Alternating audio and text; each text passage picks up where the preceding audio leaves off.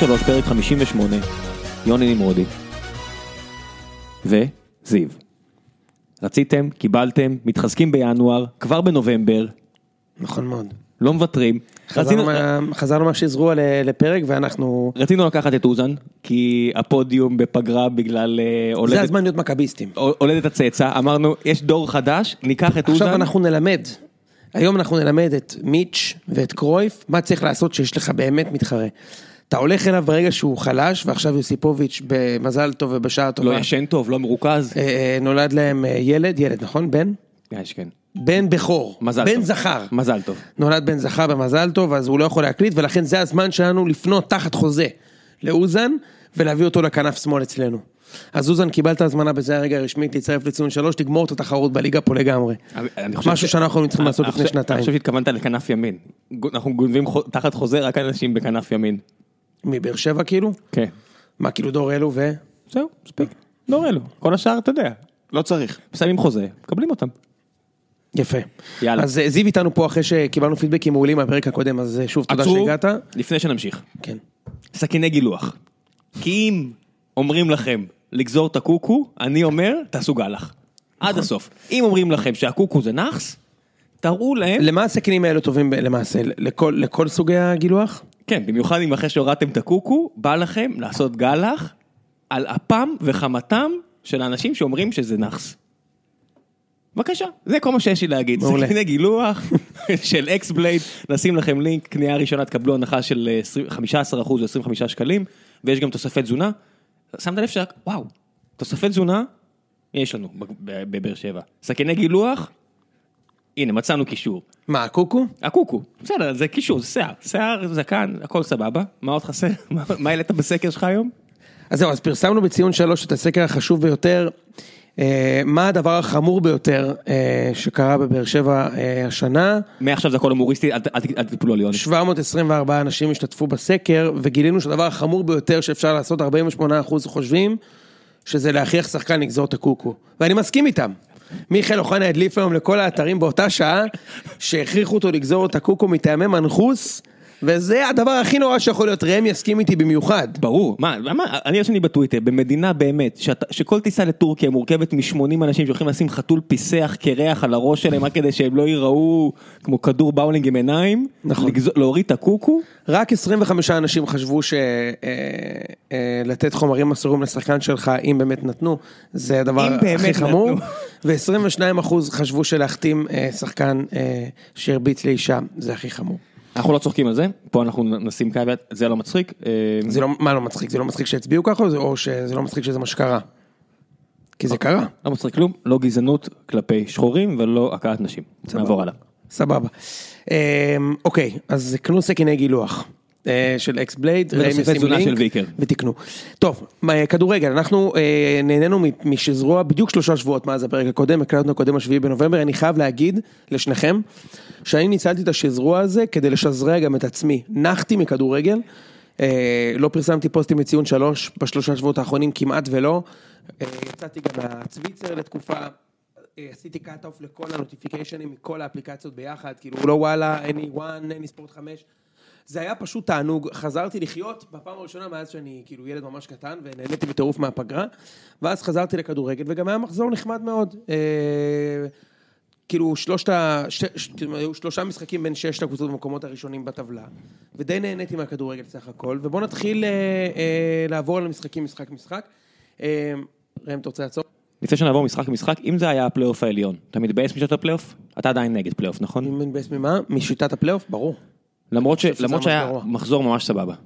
אבל א', זה לא אומר שהמחזור הזה יהיה סבבה בפלייאוף, כי כרגע כל השש הקבוצות האלה מאמינות שיש להן סיכוי אמיתי להיאבק על משהו משמעותי, ובפלייאוף בדרך כלל זה שתי קבוצות נאבקות על אליפות ועוד שתי קבוצות נאבקות על מקום באירופה ושתי קבוצות שהן שק, החבטות. והרבה פעמים קבוצות גם מגיעות לפלייאוף ומרימות דגל לבן ויש שם משחקי גרבג' 2 ובעיניי זה פשוט לא ליגה. עזוב, אין את זה בשום ליגה מובילה בעולם. כל הכיף בליגה היא הוא, סליחה, שבמחזור האחרון אה, הטוענת לכתר יוצאת למשחק מול קבוצה שחייבת תיקו כדי להישאר בליגה בחוץ והאלופה בפוטנציה צריכה לנצח ונוצר משחק בין שתי קבוצות שימותו על המגרש כדי שלא יהיה פה, אה, כדי שלא לרדת ליגה או לא לקחת אליפות ואת זה הורגים פה בשביל הכסף של הכרטיסים מהקהל אני לא מת על זה. לא יודע, יש לך דעה אחרת? כן, לא, אני איתך, זו שיטה שהיא טיפה מאולצת. אני מבין מאיזה טעמים מגיעה, כמו שאמרת, זה טעמים כספיים בעיקר. אה, יש פה את העניין של הקבוצות הגדולות ששולטות במנהלת הליגה בהתאחדות, הן רוצות את הכסף מהכרטיסים, מאירוח של אה, פעמיים בשנה של מכבי חיפה במקום פעם אחת בשנה, ואני חושב ש...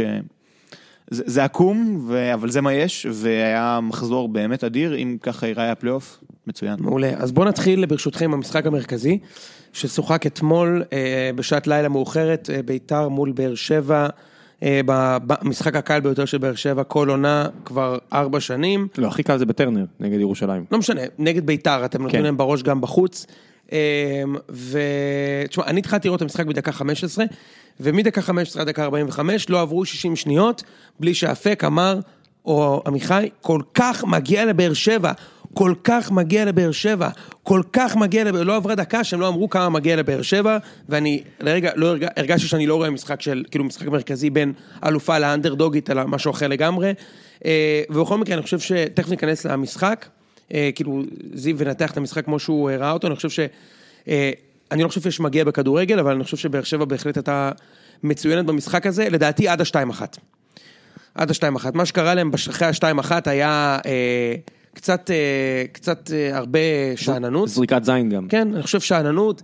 השאננות הזו הגיעה מהשחקנים למאמן וחזרה לשחקנים, ו- ואני בטוח שזיו ייגע בזה, אז... אה, אה, ראם, אתה רוצה לתת את הנקודת מבט שלך לפני אני שנצא אני פנימה? אתן לזיו להיכנס לפרטים הטקטיים טכניים, שני דברים שאני רוצה להגיב עליהם. דבר ראשון, פרשנים בארץ בצורה מאוד מאוד בוטה, מחפשים את הסיפור. ואם נגיד הפועל באר שבע כרגע היא הסיפור בשנתיים וחצי האחרונות, אז זה הסיפור. אם הפועל באר שבע הייתה מתרסקת, אני הייתי בטח מרגיש הפוך, כי כל משחק היו מדגישים כמה התרסקות, כמה אכזבה, כמה... אני זה. מרגיש את זה עכשיו. נכון, אני אומר, אותו דבר אני הייתי מרגיש, נגיד אתה רואה משחק כמו של מנצ'סטר סיטי ב- בליגה האנגלית בסוף שבוע, היה שם איזה הבדל בקי פסס והחזקת כדור של אה, בערך מיליארד לאחד, משהו כזה, וזה לא היה אותו שידור. וזה לא רק אני חושב ככה, הרבה אוהדים של הפועל באר שבע לא רוצים את זה. אתה יודע, תעשה, אתם לא רוצים את זה? תוריד את המקסימום, תעלה את המינימום, אתה יודע, תעלה את המינימום, אתם לא רוצים. את זה. לא, אני רוצה, אתה יודע, משהו הרבה יותר שפוי מכך. אני לא רוצה שכשיהיה כמה הפסדים, יגידו, איזה כישלון, איזה כן, פה. אני מבין, אתה לא רוצה כאילו להרים את הרמפה כדי בגלל שהפיצוץ שלה יהיה כואב. לא, זה לא רק הפיצוץ כואב, זה, זה לא שפוי, זה לא דרך הגיונית להסתכל על, על משחק ספורט, ספורטיבי, כדורגל. תוריד את האמוציות, אתה יודע. בטח לא, בטח לא כשאתה לא אוהד, תשמע. לא, אני- אם אני אין לי ברירה, ברור, נכון. זהו. זהו, אם- אבל אם- חשוב גם להגיד שגם אה, שפיגלר וגם אפק הם לא אוהדי הפועל באר שבע. לא, אוקיי? הם, הם יעשו את זה באותה צורה, אם באר שבע הייתה נכשלת בגדול, היית מקבל אה, בחזקת ארבע את כל הדברים. זאת אומרת, הכישלון הכי גדול, פה, פה, פה, חבר'ה, זה לא באזל, אנחנו לא, אתה יודע, לא מדובר פה ב, באלופת אה, פורטוגל. זה לא ת- משנה. בשום סצנריו שאתה משדר משחק מרכזי בין שתי קבוצות בליגת העל, אתה לא יכול לחרוג מהאחריות שלך ולהפגין בצורה מובהקת את מה שאתה רוצה שיקרה. זה לא יכול להיות. אם אני אשדר את- מכבי, זה יישמע רק קצת יותר קיצוני מאיך שזה נשמע אתמול. כאילו, אם אני הייתי משדר את מכבי נגד הפועל חיפה, ככה הייתי משדר כמו שפיגלר. חוץ מהקטע של לרוץ לדשא בלי חולצה. לא, אני אומר, אם הייתי, אם הייתי, אתה הבנת את הכוונה, כן. אוקיי? ככה הייתי משדר את המשחק. אני הרגשתי אתמול בבית, ישבתי בבית, ואני באמת לא האמנתי. תשמע, באר שבע היא פבוריטית ברורה במשחק, היא קבוצה הרבה יותר טובה מביתר. הם שיחקו מול עשרה שחקנים חמ- 40 דקות או 35 דקות. 25. מספיק עם ההילולה הזאת, על כל שני פסים, להגיד איזה מדהימים הם. בואנה, אני הרגשתי כאילו זה נבחרת ישראל בחוץ נגד אה, תן, תן, סוריה, תן, מספיק עם תן זה. להרחיב לך זה, משהו שגם אתה עושה, אני אגיד לך איפה זה עוד לבעיה לביטוי. טוני וואקמה, הוא רמה מעל הליגה, מסכימים? הוא כמה רמות מהליגה אז לדעתי. הנה, הנה, אוקיי, אז פה אתה לא מסכים איתי. אני חושב שהוא רמה מעל הליגה כי הוא זורק זין. הוא זורק המון המון המון זין. אם תעשה כזה מצלמה שתסתכל רק עליו במהלך המשחק, ותכף ניתן לזיו פה להרחיב על כל הסיפור הזה, מבחינת טקטית ודברים שראינו, אז כן, הוא מביא את הגול משום מקום. ראינו את זה בוולה באירופה ופה ושם. יש לו כל כך הרבה נקודות במשחק, שהן לא טובות. אבל לא, לא יספרו על זה כדי להציג תמונה מאוזנת. זה להגיד, יש טוב ויש רע. אבל זה לא מתאים, אז אתה תגיד רק כמה טוב ותתחיל לבנות עכשיו את העניין הזה של הוא יעזוב בינואר. כן, כן, כן, ואתה רואה את זה אתה כבר- אומר. אתה רואה את זה כבר, פה אני מסכים איתך.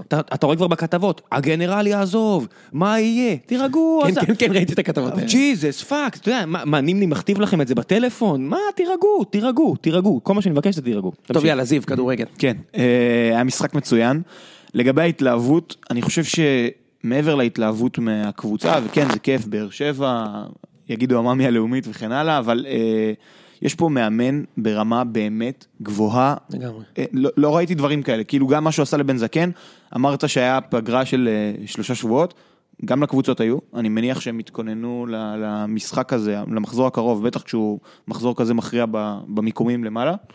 אה, אז אני חושב שהייתה פה הכנה מאוד ארוכה גם של בן זקן וגם של בכר לקראת המשחק. בכר עשה דבר נורא פשוט, הוא ראה את מה שעשה בני בן זקן מול מכבי חיפה. הוא הציב את קלטינס כקיצוני ימני, בעצם כדי שייצור לחץ על, ה- על האגף, וכשלבכר יש את וואקמה, שאמרנו, רמה מעל הליגה, אין על כך עוררין. כאילו, זה השחקן, רגע, הוא שיחק אמצע ימין או ימין? קשר ממש קיצוני ימני. כאילו הם שיחקו 4-4-1-1. זה נכון, זה 4-2-3-1, כשז'אורג'יניו הוא, הוא חצי לג אחורה מאחורי שכטר, אוקיי. אבל לא, אה, מי השלוש בצד ימין? אה, שיחק עזרא, עזרא פתח, לא, עזרא צד שמאל. עזרא בצד שמאל, קלטינס בצד ימין. אה, אוקיי, אבל- אוקיי, 4-2-3. אבל עזרא הבנתי, בסדר. הוחלף יחסית מהר בגלל. נכון, עזרא נפצע וזהו, ומה לי זה הרגיש שקרה... יותר כמו 4-4-1-1, כאילו... כן, זה, זה בערך אותו דבר, השחקן הקדמי, ש- השחקן הקדמי ביותר חוץ מהחלוץ הוא הקשר ההתקפי. אוקיי. זה אותו מערך בערך, ומה שעשה בכר זה תוך, כאילו בית"ר פתחה נורא חזק, התלהבות, היה לחץ מאוד גבוה, אז הוא פשוט הסיט את טוני וואקמה לאגף ימין, החליף בינו לבין מליקסון, ואז הוא השאיר את בן זקן בבעיה, הוא עשה את זה גם למכבי תל אביב, דאבל, כן. הוא נורא אוהב לנצל התאמות של המאמן היריב לטובתו, להפוך אותם לחסרונות ליתרונות. במקרה הזה, קודם כל הוא שם את אה, וואקמה באגף שעליו נמצא חן עזרא. עזרא הוא שחקן מאוד בעייתי בהגנה, אנחנו יודעים את זה לא מהיום, וכשוואקמה שיחק עליו, גם בן ביטון נכנס לעזרה, המון פעמים מליקסון, שאנחנו רואים שהוא עושה את זה הרבה פעמים, מגיע לאגף של וואקמה, ומה שהיה שם זה חוסר עזרה של עזרא. הפועל באר שבע הרגיעה את ההתלהבות של בית"ר, היא פתחה מאוד מאוד חזק, וככה בכר נטרל יחסית את ההתלהבות. עוד דבר, זה מליקסון שפתח באגף שמאל, הוא נכנס המון המון לאמצע, המערך הוא לא סימטרי. כשמליקסון נכנס לאמצע הוא השאיר גם את קלטינס וגם את קונטה, כשקונטה עבר מעמדת הבלם למגן הימני, במיוחד כדי לעמוד מול וואקמה. הוא הזיז את אה, מליקסון לאגף, מליקסון חתך לאמצע והשאיר גם את קלטינס וגם את קונטה בלי שחקן לשמור עליהם. כן. אלה שני שחקנים הגנתיים, הנכסים כנראה ההגנתיים הכי חשובים של אה, בן זקן. יש לי שאלה. אם ברק בכר תמונת המראה היה מאמן את בית"ר, יש משהו שיכול לעשות במצב הזה כדי לעצור את זה? לגמרי. מה? אני- אני חושב שמבחינת אה, בן זקן, בית"ר, הם היו חייבים לשחק 4-4-2 יהלום. אוקיי, צר. ברגע שאין לך את עידן ורד, הקבוצה, היכולת שלה להוציא משהו, בטח מול קבוצה עדיפה, היא קטנה בהרבה. הוא היה חייב, וגם הייתה לו הזדמנות, עזרא נפצע בשלב מאוד מאוד מוקדם, הוא היה יכול, הוא הכניס את אה, ורן, כן. נכון? וכשהוא הכניס אותו זה כבר, זה קלאסי, בדיוק כל המערך, כל הכלים נמצאים שם. שכטר וורן, ג'ורג'ינו מאחורה שניים ומאחורה קלטינס, או ולדימיר. נגיד. נכון, בדיוק, זה- מה שהיה צריך לעשות, לא ברור לי למה הוא לא עשה את זה, עוד אופציה זה לשחק כן, הם לא יכולים לשחק יהלום כמו נתניה, בוא, כי... זה לא כמו נתניה, אוקיי, עזוב, למרות שגם על זה יש לי עוד משהו, אם בפגרה יצא לי לחשוב ככה על נתניה, אבל אה, אנחנו נדבר עליהם, נתניה, כן. ואני חושב שהוא לא עשה את זה, אפשר היה גם לפתוח עם ז'ורג'יניו בכנף ימין, בדיוק בעמדה של אה, ורד, כשז'ורג'יניו נכנס לאמצע ומנהל את המשחק במערך לא סימטרי, בדיוק כמו שבכר עושה בבאר שבע. זה לא קרה.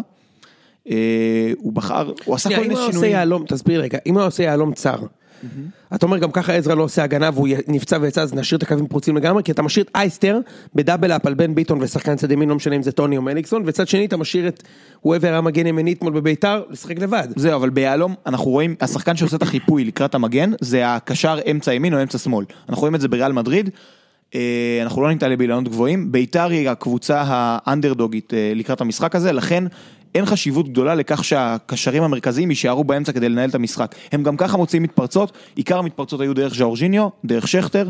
אין חשיבות גדולה לזה שהם באמת יישארו באמצע, הם יכולים, יש להם מספיק חופש להגיע לפינות, לקחת את המגנים, לעזור בדאבל אפס על וואקמה ועל מליקסון. יש לי שאלה, איך המיסמץ' הזה בין ביתר לבאר שבע הוא כל כך, כאילו, יש תופעות לופיות בליגה שהן בלתי מוסברות, כאילו למשל, מכבי חיפה תמיד כן. תנצח את באר שבע. בבית. באר שבע תמיד תנצח את ביתר.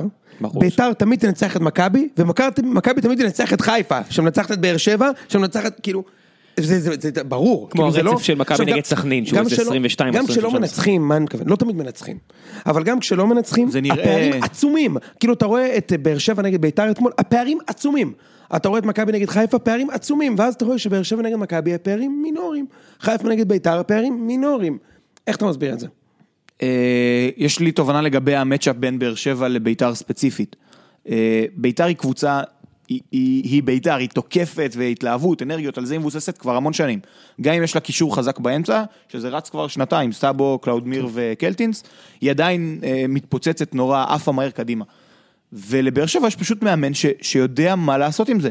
כלומר, הוא מחכה, הוא משחק בסבלנות, הוא לא תוקף מיד, מכבי תל אביב נניח, אה, זה לשבור את הכלים ולשחק קדימה. מאז סוזה, אני חושב שהרצף של בית"ר מול מכבי תל אביב הוא אחרי עונת סוזה. כלומר, ברגע שיגיע מאמן שמבין טקטית, נכון, מה צריך לעשות כדי לעצור את בית"ר, המצ'אפים האלה לא, השתנו. הוא התחיל מיוקנוביץ'. מ- גם פאקו ניצח את בית"ר. אוקיי, ארבע וזה. אחלה, מצוין, אז יוקנוביץ' הוא היה מאמן שהיה עושה התאמות ספציפיות למשחקים, אבל באופן כללי הוא לא היה טקטיקן אדיר. אוקיי, גם פאקו, גם בוס וגם סוזה היו מאמנים בעיניי טקטית יותר טובים ממנו. ואני חושב שיש פה, יש פה עניין של מאמן, בית"ר אין לה מאמן, כבר המון שנים אנחנו יודעים את זה. אה, מהבחינה הזאת ש- שאין מאמן חזק. רגע, שנייה, שנייה, אני רוצה- אז אתה אומר, אז אתה אומר ככה, אתה אומר, הסיבה למיסמץ' בין ביתר למכבי, זה, אני אני אגיד לך איך אני חוויתי את זה, אוקיי? אני חווה את מכבי נגד ביתר, תמיד משחק את אותו משחק. כמו שאמרת, אגב, אתה ניתחת את זה מעולה, וזה מדהים שאתה אפילו- לא אוהד, אז אתה אפילו לא רואה את זה מהצד המעצבן של זה. כן, אבל אני רואה את זה המון. בלמים עומדים 40 מטר מהשער של ביתר, מכבי, ביתר לא עוברים את החצי, מכבי משחקים כאילו טוב, חטיפה אחת, כדור ארוך 1-0 לביתר ב-20 דקות הראשונות, ואז המשחק הוא גמור. כל פעם, אנחנו אף פעם לא נצליח להגיע למצב שאנחנו שומרים 30 מטר מהשער שלנו, וביתר לא תעשה כלום אגב. היא לא תצליח לשים גול בחיים, כמו אתמול.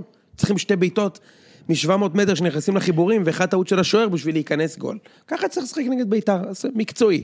כולל הכנה של הבלם היריב, אתה יודע, בוא אני אכין לך לבולה. אני גם חושב שלביתר, לבאר שבע יש שחקנים שיודעים לטפל במתפרצות האלה מעבר למאמן. נכון, כן, מליקסון ווואקמה זה שחקנים שאתה נותן להם את הכדור, גם כל מאמן תזרוק אותם באיזה קבוצה שאתה רוצה והם יהיו נורא נורא טובים. אבל כן, גם למכבי תל אביב וגם להפועל באר שבע יש הזדמנות לשחק מול ביתר כשהיא לא פייבוריטית. זה לוקסוס שאין לקבוצות בליגה. כלומר ששחקנים שלא רגילים לעשות את זה צריכים להתגונן, לחשוב קודם כל הגנה, איך אנחנו לא סופגים ואז לצאת קדימה. והפועל באר שבע מנצלת את זה, מכבי תל אביב לא. אה, עוד מעט אנחנו נדבר על מכבי תל אביב. אבל ו- קלטינס ו- ואדגר ו- ו- וכל החבר'ה האלה, הם לא רעים כמו שהם היו אתמול. אפילו נגד קבוצות באותו רמה כמו הפועל באר שבע, משהו פה הוא מעבר למיסמץ'. וזה לא רק, אתה יודע, אני אומר, אולי באמת היה מקום מה, לשים שחקנים יותר מבוגרים, שהאווירה לא תשפיע עליהם, כי הר- הרבה, הרבה פעמים, כמו שאתה אומר, הפועל באר שבע נוסעת לת- לסמי עופר או לקריית אליעזר, כבר בדרך באוטובוס כבר יש לך את המחשבות הרעות כנראה. אני לא מדבר פה משהו אה, נאחסים וכאלה, אני מדבר ספציפית, הדברים הקטנים לא עובדים. טוני לא עובר שחקן 6-7 פעמים במשחק כמו שהוא עשה אתמול, כבר מי יודע מה כמה זמן. מה היה שם? זה לא שזה שחקן הגנה כזה רע. קודם כל יכול להיות שהוא כן שחקן הגנה כזה רע, כן, ושנה חושב שעברה, שזה- שנה שעברה, שנה שעברה, טל בן חיים? קלטינס עשה בדיוק את זה מול וואקמה, כאילו וואקמה עשה בדיוק את זה, היה משחק בפתח תקווה, אחרי שעליתם אה, בשלב באירופה או משהו, ביתר הובילו עליכם, לא הייתם במשחק, ואז באיפשהו בדקה 40, ממש אותו גול כמו הגול הראשון, מי שזוכר, הוא פרפר שם את קלטינס ונתן פצצה פנימה. עכשיו תשמע, צריך לומר ראם, המשחק היה, באר שבע היו הרבה יותר טובים אבל בסוף, השחקן היחיד בבאר שבע שהוא באמת יכול לשים את הגול, זה וואקמה. מה תעשה, מה, מה אני אגיד זיו, הוא באמת, ס- סער יכול להגיע ל-700 מצבים במשחק. היחיד שאתה יודע שמתי שהוא רוצה שיהיה מצב ודאי לגול, ויהיה מצב זה, זה וואקמה, ולכן השאלה שלי היא, מעבר לכל המחמאות שצריך לתת לבאר שבע, ובהחלט צריך, ולבכר, מה קורה בקבוצה הזאת אם הוא לא נמצא? אני יכול להגיד לך מה אני חושב לפני. אני חושב שאם הוא לא נמצא שם, הם לא לוקחים אליפות. אני חושב שהשנה הם בתלות מאוד גבוהה ביכולות האישיות של הקבוצה, אגב באופן כללי, המון יכולת אישית, בניגוד לשנה קודמת, וספציפית בוואקמה. זה מה שאני חושב. אה, אבל חשוב להגיד, שנה שעברה, אה, הפועל באר שבע משלמת מחיר מסוים, העונה, על העונה שעברה. כלומר, היא שיחקה עם שחקנים שהיה ברור שזה עומד להתפוצץ, גם בוזגלו, גם אה, אובן. אובן לא בגלל, לא יודע, הייתה פשוט ברורה, גיל וזה. כן. אז הם, משלמים כרגע מחיר על עונה שבכר מחבר שחקנים שהוא, שהם עוד לא רגילים לשיטה שלו, וכן, וואקמה לוקח על הגב את הקבוצה כרגע, כש, כשהם צריכים את זה. יש תלות, אני לא חושב שזה כזה קיצוני, אין ואקום, זאת אומרת, וואקמה עוזב, עזוב את זה שמגיע שחקן במקומו, זה לא האישיו, אבל מישהו ייכנס לזה, אנחנו רואים את סער בשבועות האחרונים בכושר אדיר. אה, כן, אתמול, הוא פספס. דברים שהוא שם בשבועות אבל האחרונים. היה לו, היה בפגרה היה גם משחק השלמה נגד עכו. אני רק אומר, רק תראה את החשיבות של, אתה אומר יגיע זר במקומו, אבל אתה רואה שפקארט הגיע וקוונקה הגיע, וזה לא שחק, זה שחקנים שאם בינואר ינואר יעזבו, אף אחד לא נופל מהכיסא, וזה שני המרוויחים הכי גדולים בקבוצה. אה, אולי ויטור עכשיו עם החוזה החדש אה, השתווה להם, אני לא לא זוכר בדיוק, לא יודע, לא מה זה לא זוכר, לא יודע, אבל אני אומר, תראה את החשיבות של ה scouting, בדיוק אתמול, ותכף נעבור למכבי חיפה עם, עם ה segue הזה, שהגיע איגביני, והוא אומרים שהוא הגיע עם הצעה, בוא אני אהיה ראש מערך ה scout שלכם. ואני אומר, איך עדיין לא נפל פה האסימון, תראה את החשיבות של זר אחד. זר אחד שפגעתם בו, וזה לא איזה פגיעה מטורפת, הוא שיחק פה, ראיתם אותו, כמו שאלי מוחמד שיחק פה וראיתם אותו. זר אחד שיהיה מערך scouting, שיוכל לעזור לצוות שמחליט את מי להביא, תשימו גם מיליון דולר על הסיפור הזה, חבר'ה שירוצו בשבילכם באפריקה וב, ובפורטוגל ובדרום אמריקה, בעלות כזו או אחרת, זה, זה, זה אליפות, זה שווה לך אליפות, וכל מה שאני יכול להגיד, זה שחבל לי שטוני לא עוזב כמו שיגביני עזב, עם עונה שהוא באמת כמה רמות מעל הליגה, וזה אומר ליגת אלופות ואליפות בטוחה לפני שהוא עוזב, והוא לא עשה את זה. עם כל, עם, אתה יודע, במצב, ב- במאריבור, במשחק שהוא באמת היה אמור להוכיח שהוא כמה רמות מעל, לא נכנס הכדור, ובליגה האירופית, ואפשר אולי לדבר על זה בסוף, לא נכנס הכדור במשחקים שהיה צריך, ובאר שבע עם כל זה שמדברים שהיא הכי טובה בליגה, וגם כרגע משחקת הכי טוב בליגה, היא כולה בשוויון נקודות. כן, כן, אבל זה זה משקר, זה משקר. אני מסכים שזה משקר, גם אבל משקר וגם לא, הייתה פתיחת אבל עונה לא טובה, אבל אם הוא עוזב זה. בינואר, הוא משאיר את באר שבע במצב שהיא לא לא באירופה ואין פער בצמרת. אני חושב שמתישהו יהיה בסיבוב השני או בפלייאוף את המשחק, כמו בכל שנה, יהיה את המשחק שבו מכבי מול באר שבע, באר שבע מול מכבי, במשחק שכאילו הליגה תיפתח משם. אני לא חושב שאנחנו נגיע למצב של פער של 11 נקודות בפלייאוף. בטח לא אם הוא יעזוב. בטח לא אם הוא יעזוב. נכון. ועכשיו, ועכשיו עוברים למכבי חיפה, אם אמרנו יגביני שהיה אתמול בשלשום ב- באיצטדיון. תשמע, אני נהניתי. אני לא זוכר מתי נהניתי ממשחק של מכבי חיפה, אולי מאז מכבי פתח תקווה היה גם נחמד, אה, בגלל, סתם בגלל אה, הבלאגן. שהיה, בגלל הנסיבות. מה אתה חושב על, דווקא מעניין אותי לשמוע דווקא מהטוב, המחצית השנייה. אה, אז המחצית השנייה, אני לא יודע כמה זה היה טוב. יותר כמו רע של נתניה? רע של נתניה. הייתה שם ירידה ביכולת, זה קורה, הם, הם קבוצה, גם היא בנויה על מומנטום עם הלחץ. אה, צריך להגיד, זה היה משחק מאוד לא טוב של עלי מוחמד. מאוד לא טוב, לטעמי. השחקנים שבלטו, ערן לוי, דיה סבא, אולסק, אה, וזה גם בגלל ההתאמות שמכבי חיפה עשתה, בגלל אופי המשחק באופן כללי. ואני לא בטוח כמה אפשר להגיד שזו הייתה מחצית טובה של מכבי חיפה, כמו מחצית פשוט לא טובה של נתניה, כי אסור להתעלם מכך שבמחצית הראשונה זה היה צריך להיגמר, לחלוטין. כלומר 3-0, הולכים הביתה, משחקים את המחצית השנייה לפרוטוקול, ובוא בוא נדבר על זה. אבל לפני זה, אני שנייה רוצה, נגעת ב scouting. זה צעד כל כך מטומטם של בעלי קבוצות, סליחה, כן, אבל זה זה במקום, תמשיך. אה, כאילו, עזוב אה, עוד כמה שנים אתה תרוויח כסף מהמכירות האלה, אתה משקיע עשרת אלפים שקל במערכת scouting טובה, ואתה חוסך 30 אלף שקל במיידי על שחקן שאתה מביא בשתי רמות יותר. מערכת scouting, מערכת דיגיטלית, מערך... מערכת דיגיטלית, מנוי לחברת scouting, כל דבר, יש כל כך הרבה אופציות, העולם היום מטורף, רגע, אני לא, אני לא יודע, אף אחד לא משתמש בזה? יש קבוצות שמשתמשות, בוודאי שיש, הפועל באר שבע, כן, הפועל באר הפועל באר שבע קנו מנוי? בוודאי, אה, דודו עזריה חורש את Wyscout, אה, מכבי תל אביב גם בטוח משתמשת בכלים, אני משוכנע שגם מכבי חיפה, אני פשוט אומר, הקבוצות, כן, זה מצחיק, כן, ממש הכלים של מכבי זה... שיחק בליגה הישראלית? אז נביא אותו. לא, בס- אני אומר שיש יש הוא חשיבה, איתי אבל, מבצע? אז נביא אותו. יש חשיבה על הכיוון הזה, אוקיי, הם מקבלים נתונים על שחקנים מהעולם, זה נכון, בטוח מקבלים. אנחנו גם מכירים את הסקאוט של מכבי. נכון, אמיר. כן. אה, אחד, אחד, אחד מהם. כן. זה, אתה מבין, אבל גם הוא, גם אמיר, ש- שאנחנו מכירים אותו, הוא גם, אתה יודע, הוא, אני לא, לא, אגיד, לא, לא אגיד דברים שנאמרו, או דברים כאלה, זה לא דברים שנאמרו, אני משלים, הוא לא אמר כלום. אני רק אומר, זה לא שהוא בא במשרה מלאה, הוא קיבל את החופש, גם, גם דודו, זה, זה, זה משרה נוספת. נכון. איך זה לא, אתה יודע, במועדונים, זה, ח- זה חברות שהתקציב השנתי שלהן הוא כ-100 מיליון, או 150 מיליון, או וואטאבר. סכומים מטורפים. איך מתוך זה אחוז, שניים, לא הולך רק למציאת כישרונות, ל-HR. זה בסיסי, HR, כאילו זה מה... בסיסי. גם, בסיסי, גם זה מהבחינה... הנה, עכשיו שמענו ש... במיוחד אמור להיות בסיסי במועדונים אה, כמו באר שבע, חיפה ומכבי, שיש בעלים יציב לשנים, שרוצה לבנות משהו שהוא לא, נגיד, אצל, דווקא אצל גיא דמק, הייתי מתפלא אם היה. כי אתה נכון. אומר, הוא פה לשלוש הוא שנים. לוקח מה את הוא דודו? דהן, תביא לי לא, שלושה בדיוק, תותחים תביא עכשיו ו- תותחים וניקח אליפויות. פה אתה אמור לבנות פה מועדון שמייצר שחקנים כל הזמן, ואני חושב שזה זה באמת, באמת זה הכישלון הכי גדול של, של מכבי, של חיפה, וגם של באר שבע אגב. אה, זה פעם אה, ראשונה שיהיה אקזיט בבאר שבע. טוני, זה לפי דעתי האקזיט הראשון והשנה אי אגב, פעם של הפועל באר השנה שבע. אגב צריך כן. לומר את זה, שגם הוא עבר, זה, זה לקח זה המון לא- המון המון גם מה- זמן, כאילו- זה לא הגיע כמו ש... כמו ש... לא, וצריך לומר, הוא- הוא הוא האקזיט שלכם, זה המ- המפלה של חיפה ומכבי, שהוא היה כבר במכבי ובחיפה, כאילו הוא רצה לשחק פה או פה. עזוב, זה לא משנה, זה כאילו- אקזיט ראשון, איך שלא תסובב את זה, זה פעם ראשונה המועדון, אלונה כבר נמצאת שנים אני במועדון, חשבתי, אקזיט אגב, ראשון. אני חשבתי אגב שקוקו יהיה אקזיט, אבל אני לא רואה את זה קורה כבר. אוחנה. כן, זה כינוי חדש, זה נכנס. כן, נכנס. שינינו עכשיו את השם אני- של אני חושב- קוקו. אני חושב שהוא כרגע אה, שפך בנזין מסביבו, והוא עומד עם גפרור, ומישהו צריך לבוא חבל, כי הוא שחקן ול- מעולה. ולנשוף לו על חבל, הגפרור. כי הוא שחקן לא, מעולה. עדיין לא נגמר כלום, ומישהו צריך לנשוף על הגפרור לפני שזה נופל על הרצפה. תראה, באר שבע בשנה הבאה תהיה חייבת לעשות עונת אה, בתים באירופה, כי היא צריכה כסף. אני לא חושב, חד כאילו, משמעית. ש... תשמע, הם הביאו שני שחקנים מאוד יקרים, והם לא טובים. כאילו צריך, אחי, הם... הם אנחנו לא מדברים טובים. על קוונקה ועל פקארט, מה לעשות? זה שני שחקנים אבל שהגיעו בהעברה חופשית, חשוב להגיד. נכון. השכר. שלהם הוא יקר. השכר הוא מאוד גבוה, אני חושב שהם... השחקנים מיליון יורו בשניהם. הכי הרבה במועדון יחד עם הבלם. כמה אמרת? ביחד מיליון יורו לפי דעתי. 600 נטו. לא, יותר. 600 600 נטו. ו-500, זה מיליון יפה. מאה- מיליון מאה. תשמע, זה חוזים של אה, זר במכבי תל אביב, כאילו זה לא, זה הרבה כסף, בוא, כאילו זה... כן, מה, התקציבים כבר לא כאלה שונים. אני לא סותם את הגולל עליהם על זה שהם הם- הם- הם לא טובים משהו, אבל אני לא יודע אם שווים את הכסף, בוא, בוא, מה, כאילו, אני- מעדן אני לא את זה, אני לא מבין, אוקיי? אנשים רואים את המשחקים אחרת ממני? תשמע, באר אני- שבע, אגב, בן שער מציל אתכם בהרבה משחקים כש... חד משמעית, לא נכון. החלוץ הצ'כי פקר, מישהו ראה משהו טוב ממנו? אני לא מבין, מה אתם... הוא נתן איזה גול יפה בתחילת העונה נגד נתניה. עזוב אותי, מה זה? אני ראיתי את כל. המשחקים. היו אבל משחקים בעונה שעברה שראינו את בכר מחפש משהו אחר, הוא משהו אחר, אוקיי זה משהו שעולה, לא משהו יודע, טוב. זה הוא לא שעולה משהו טוב. 600 או 500, הוא לא ה- משנה, משהו אחד כזה. מהם. אוקיי אז הוא אחד מהשניים, סבבה, זה לא שווה את הכסף, אבל כן צריך איזשהו שחקן גבוה, הם ניסו להביא, הם- מה הם- תגיד לי, מה זה פה?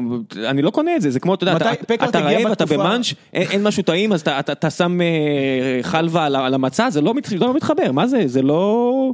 כן, אז אני לא קונה את זה, בן אדם, באיזה- זה באיזה לא... טיימינג אבל פקארט הגיע? הוא הגיע בתקופה, כשהם דיברו עליו זה היה לקראת, אה, במוקדמות ליגת האלופות עדיין, הם נורא רצו שהוא יהיה השחקן שמשדרג אותם, אז הם כאילו אמרו אוקיי נשקיע כסף, גם נקבל- קוונקה, אותו דבר. נכון, נ- נשקיע כסף, נקבל אותו חזרה. בסדר, לא, מותר לעשות טעויות, לא קרה כלום. אה, גם אני לא מדבר על, אתה יודע, אפשר למצוא קבוצה אחרת שתאמין בו, הוא הרי היה בטוטנאם, היה בכל מיני מועדונים כאלה. אפשר למצוא את המועדון, אמרו טורקיה, אמרו צרפת, אה, מקומות שיש, אה, שהוא לא יהיה השחקן שמצפים ממנו, מקומות שבאמת ישחקו יותר עליו, מקומות שיודעים להגביה, יודעים להרים כדורים. חבר'ה בארץ לא יודעים להרים כדורים. מה, מה עוזר לי אה, שחקן גבוה עם יכולות נגיחה בתיאוריה טובות, שאין אף שחקן בקבוצה שיודע להרים לו כדורים? טוב, טוב, תקשיב, אנחנו כבר 20 דקות, יאללה, יאללה, וחמש רצנו. בפרק ולא דיברנו על אף משחק חוץ מבאר שבע בית"ר. בוא נעבור לחיפה. כן. יש לי פה שאלה מהקהל, אתה כל הזמן כותב שלוזון לומד כל הזמן. על סמך מה ואיפה זה בא לידי ביטוי? אה, אז רואים את זה. קודם כל גל אלברמן יורד לספסל. יוני, אתה מכיר את היכולות של אלברמן טוב מאוד, הוא בירידה חדה מאוד ביכולת, והוא לומד. יש שיפור, אנחנו כאילו, יש איזו נטייה להתייחס לכל דבר שלוזון עושה כשלילי, וזו גישה שאם אנחנו נוקטים בה, אז אי אפשר לבקר באובייקטיביות.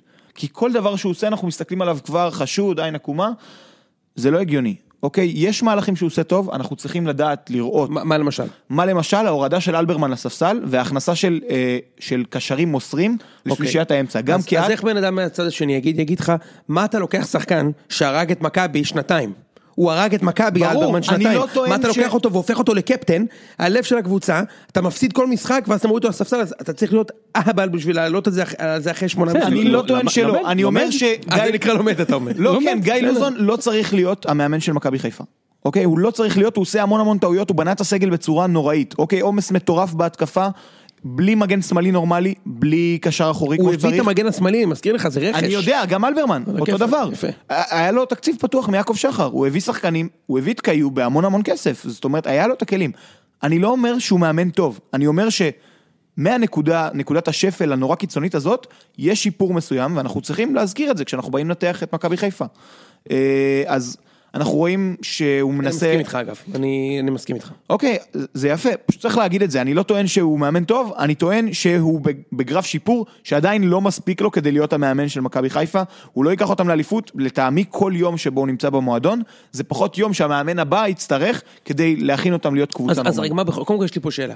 רוב הגולים של מכבי חיפה העונה, או האדומים שספגו נגדנו, עבדו מטעו- מטעויות קשות של הקבוצות היריבות.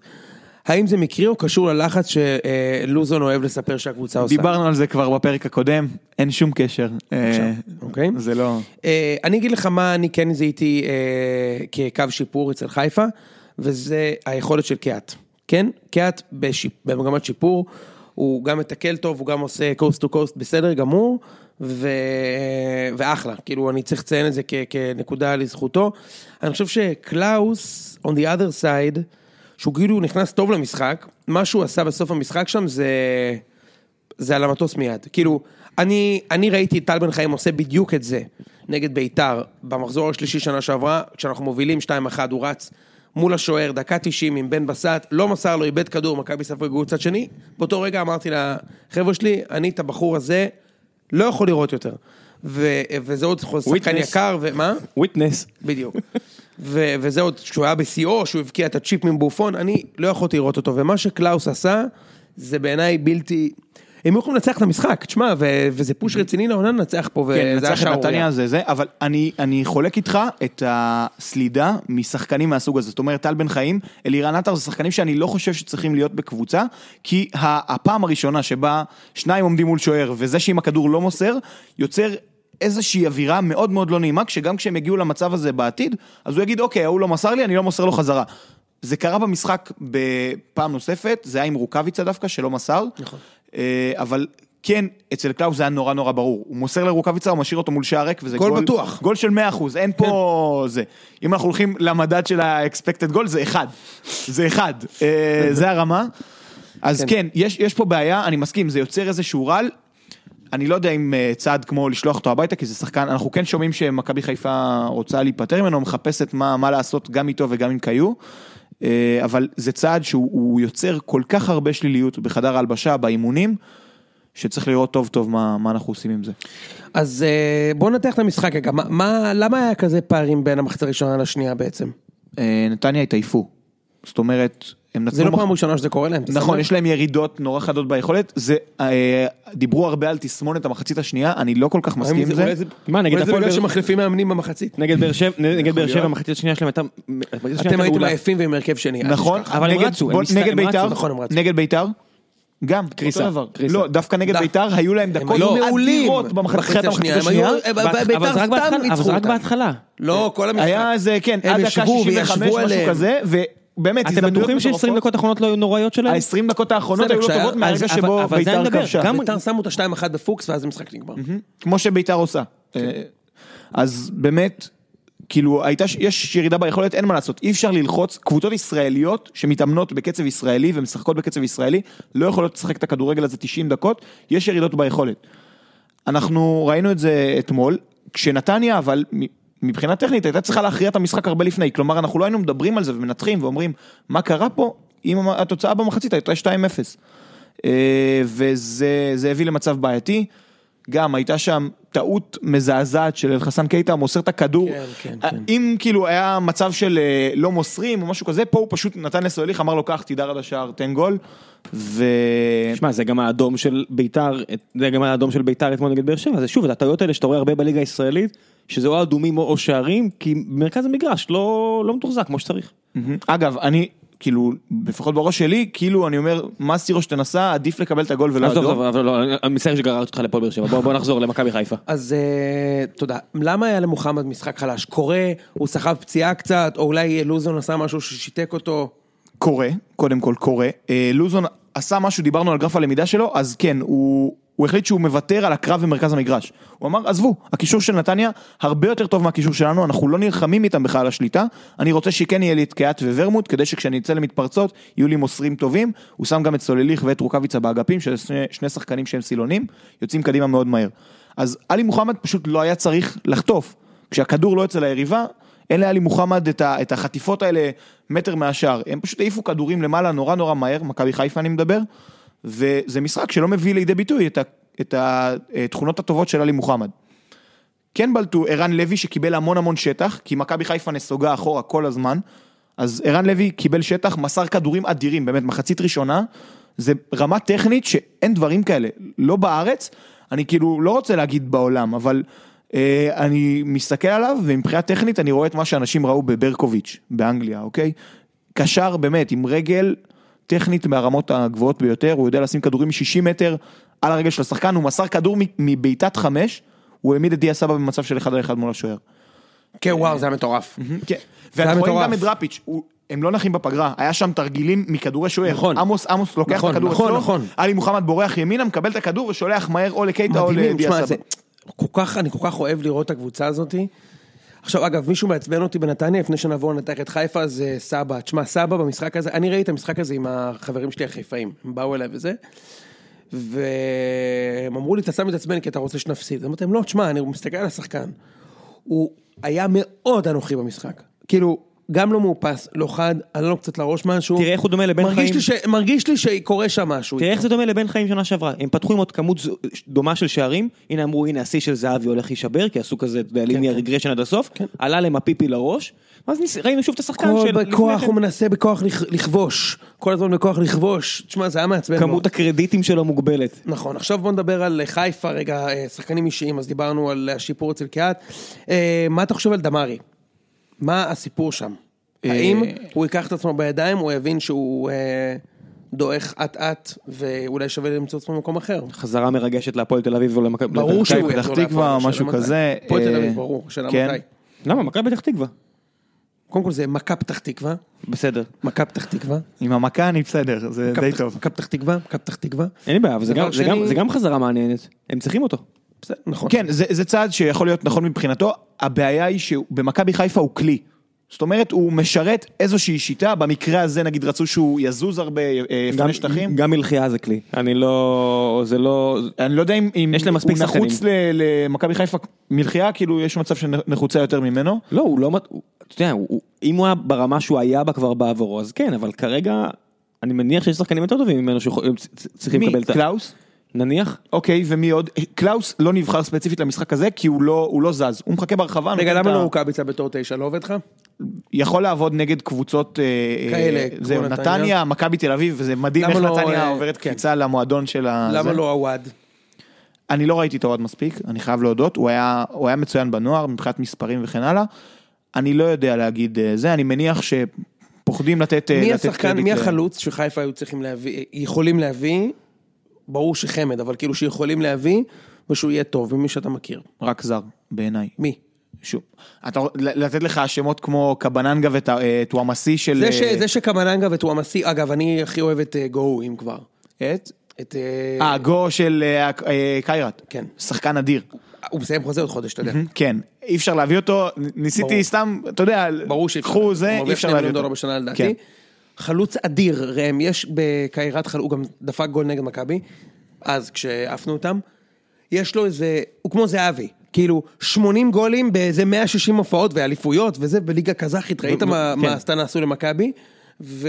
מצחיק שאמרת את המספר הזה, שהוא- תקשיב, הוא אני מזכיר שחקן לך ש- מדהים, אבל הוא מרוויח גול- כל גול כך ובישול הרבה נגד, זה כל כך הרבה? הוא מכבי תל גול אביב? ובישול, נכון. כמה אמרת השכר? שני מיליון דולר. אי אפשר. לא, אי לא, אפשר. לא, לא מתחבר. אי אפשר להביא אותו. שאמרת מיליון דולר. אה, דווקא, אני לא יודע, דווקא קבאננגה, אני לא יודע אם הוא מרוויח ככה, אני לא יודע. הם מרוויחים, קייראט נחשבת דווקא לפחות עשירה. כרגע מאסטנה. אה, וואלה. כן. לא יודע, אה, מה- עם כל החבר'ה האלה ששיחקו בלודוגורץ? אי אפשר להביא אחד לא, מהם? הם גם יקרים לא מאוד. מבחינת משכורת, לודוגורץ אבל זו קבוצה. שמחפשת העברות. תשמע, באר שבע אולי לא, כי אין לכם endless bank, אבל כאילו, מכבי? אני לא יודע אם השחקנים של, של לודו גורץ', אבל כאילו, להביא שחקן כמו גו בגיל 29 במשכורת, בחינם, ברור שהייתי מביא אותו. הוא אדיר. תקשיב, הוא בליגה הזאת 200 גולים בשנה, אני באמת חושב. מה עם בוזגלו? אז בוא, אז אתה יודע, קצת קשה לנתח, אני לא יודע, כאילו, אתה רוצה לדבר על בוזגלו? היה, לא ראינו ממנו יותר מדי במשחק, הוא נכנס מחליף, היה מהלך אחד שכאילו אמר, אוקיי, זה השחקן שהם באמת היו צריכים, אה, הוא נכנס לאמצע, משך שני שחקנים אליו, רז מאיר עשה לו עקיפה בימין, קיבל כדור, הרים לדמרי, ודמרי החמיץ בנגיחה. אני יודע מה אתה מדבר. כן, מצד אבל- שני, היה יכול להוציא פנדל שם. הוא היה חייב להוציא פנדל שם מעמוס. אתה יודע מה אני מדבר? הוא יצא וכאילו, תתחזה. כן, כן. אמנם אתה לא בבאר שבע יותר. אולי- אה, יכול להיות שהוא אה, מפחד אה, עוד... ראית- מה שלחתי לך היום בבוקר? זה הגיע מאוהד הפועל באר שבע. מישהו שם שלח כזה תמונה של הרבה שחקני פוסבול פזורים על השולחן. אמרו "מצ- מצעד המובים של שכטר ומליקסון. אני צחקתי. אני צחקתי, אמרתי לו שזה עלה לוועדה של ציון שלוש וזה זה נפל. טוב, אה, נעבור למשחק הבא. אה, יש לנו גם המון שאלות מהקהל, אנחנו אולי נעשה את זה בסוף. כן. נראה לי בסוף, זה קצת מעורבב, אבל אוקיי. נעשה את זה נראה לי בסוף. מה שלא ניגע במהלך הזה. נענה עליו בסוף. אז אה, בואו בוא נדבר על המשחק של, אה, של הפועל חיפה אה, נגד מכבי, אני אתחיל, ואני אגיד, אה, סבלתי. שוב סבלתי, אה, נהניתי מהעשר דקות הראשונות אולי, כי ראיתי שהשחקנים קצת באו לנפץ רגליים, ו, וזה היה נחמד ומאוד לא צפוי לראות מהקבוצה הזו. אה, אבל סבלתי, אני סובל מזה שהשחקנים לא, שלנו לא יודעים מה לעשות עם הכדור. אני סובל מזה שנראה ששיטת המשחק שלנו היא בוא ניתן את הכדור לייני וניתן לייני לאבד את הכדור באיזה הרמה שלא תגיע ליעדה או באיזה מסירה אחורה שתהפוך לאיבוד כדור. אה, אני מרגיש שהשחקנים בורחים מאחריות, אני מרגיש שהשחקנים לוקחים צ'יפס את המשחקים, כאילו, לא נורא אם נחמיץ, לא נורא אם אני אה, בטוקיו אקבל את הכדור 20 מטר מהשער במצב של בעיטה, לא נורא אם אני אבד וולה כי נפל לי הכדור לדרופקה, לא נורא. כאילו, חוסר אחריות משווע, והכי גרוע, ואני עכשיו, עכשיו, כאילו בעונה הזאת אני מרגיש מה שהרגשתי בשנים שלפני קרויף. אין דבר יותר גרוע מלהרג... מלהיות במשחק ולהרגיש שהמשחק לא תלוי בך. אתה, בשנתיים האחרונות, לא יודע מה זה. הוא יודע מה זה כל החיים שלו, זיו, כן? כמעט כל החיים. אני התרגלתי למצב שבו גם אם נפסיד זה בסדר, כי אני יודע שאני אהיה טוב, אני אלחץ, אני אגרסיבי, אני אשלוט במשחק גורלי בידיי. השנה, אני, אני מרגיש שאני תלוי ב, ב, במקריות טוטאלית. כאילו, האם ריקן יתלבש לו הכדור? האם עטר יצליח לשים את הכדור בפנים? האם מיכה יצא לו הרמה? וזו תחושה נוראית לאוהד. לא, הייתי. מתרגל למשהו אחר. מה, לכל אוהד, תאמין לי. זה חרא להרגיש שאין שליטה על הקבוצה שלך. וככה אני מרגיש. אני חושב שמכבי הייתה צריכה לנצח את המשחק הזה בקלות. כי בדרך כלל, בקלות. למכבי יש רקורד מאוד טוב מול הפועל חיפה. לא משנה.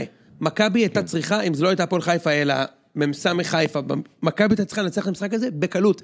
קבוצה בלי השוער שלה שהוא טוב, בלי החלוץ שלה שהוא לידר בקבוצה. וואי, לא אמרנו כלום על השוער אתה של- הנחת שלושה שבועות, אתה היית צריך לנצח את המשחק בקלות. כן.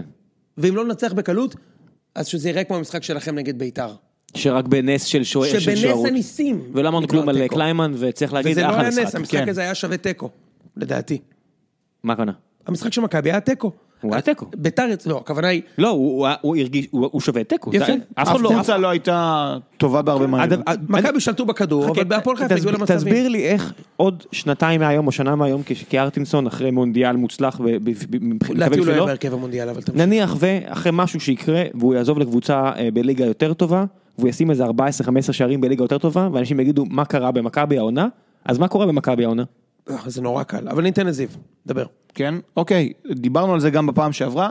אנחנו רואים שוב את העלייה של עטר, זאת אומרת הקבוצה הולכת ונהיית יותר תלויה בעטר וזה בא על חשבון קיארטנסון, זה ממש בחירה בסגנון משחק מסוים, בסגנון שמבוסס על כישרון אישי, בסדר, עטר כבש בכדור נייח, אגב, מה קורה שם? זה כאילו משהו הזוי לחלוטין, וואו, זה, זה, איך קראו לו, אה, איך קראו לו, ז'וניניו? ז'וניניו, הברזילאי, כן. כן, זה כדורים נייחים, אתה לא מבין מאיפה הוא מוציא את זה, זה שחקן שלא היה לו את זה כל זה cheat, הקריירה. הוא מצא cheat, זה cheat בפיפא הדבר הזה.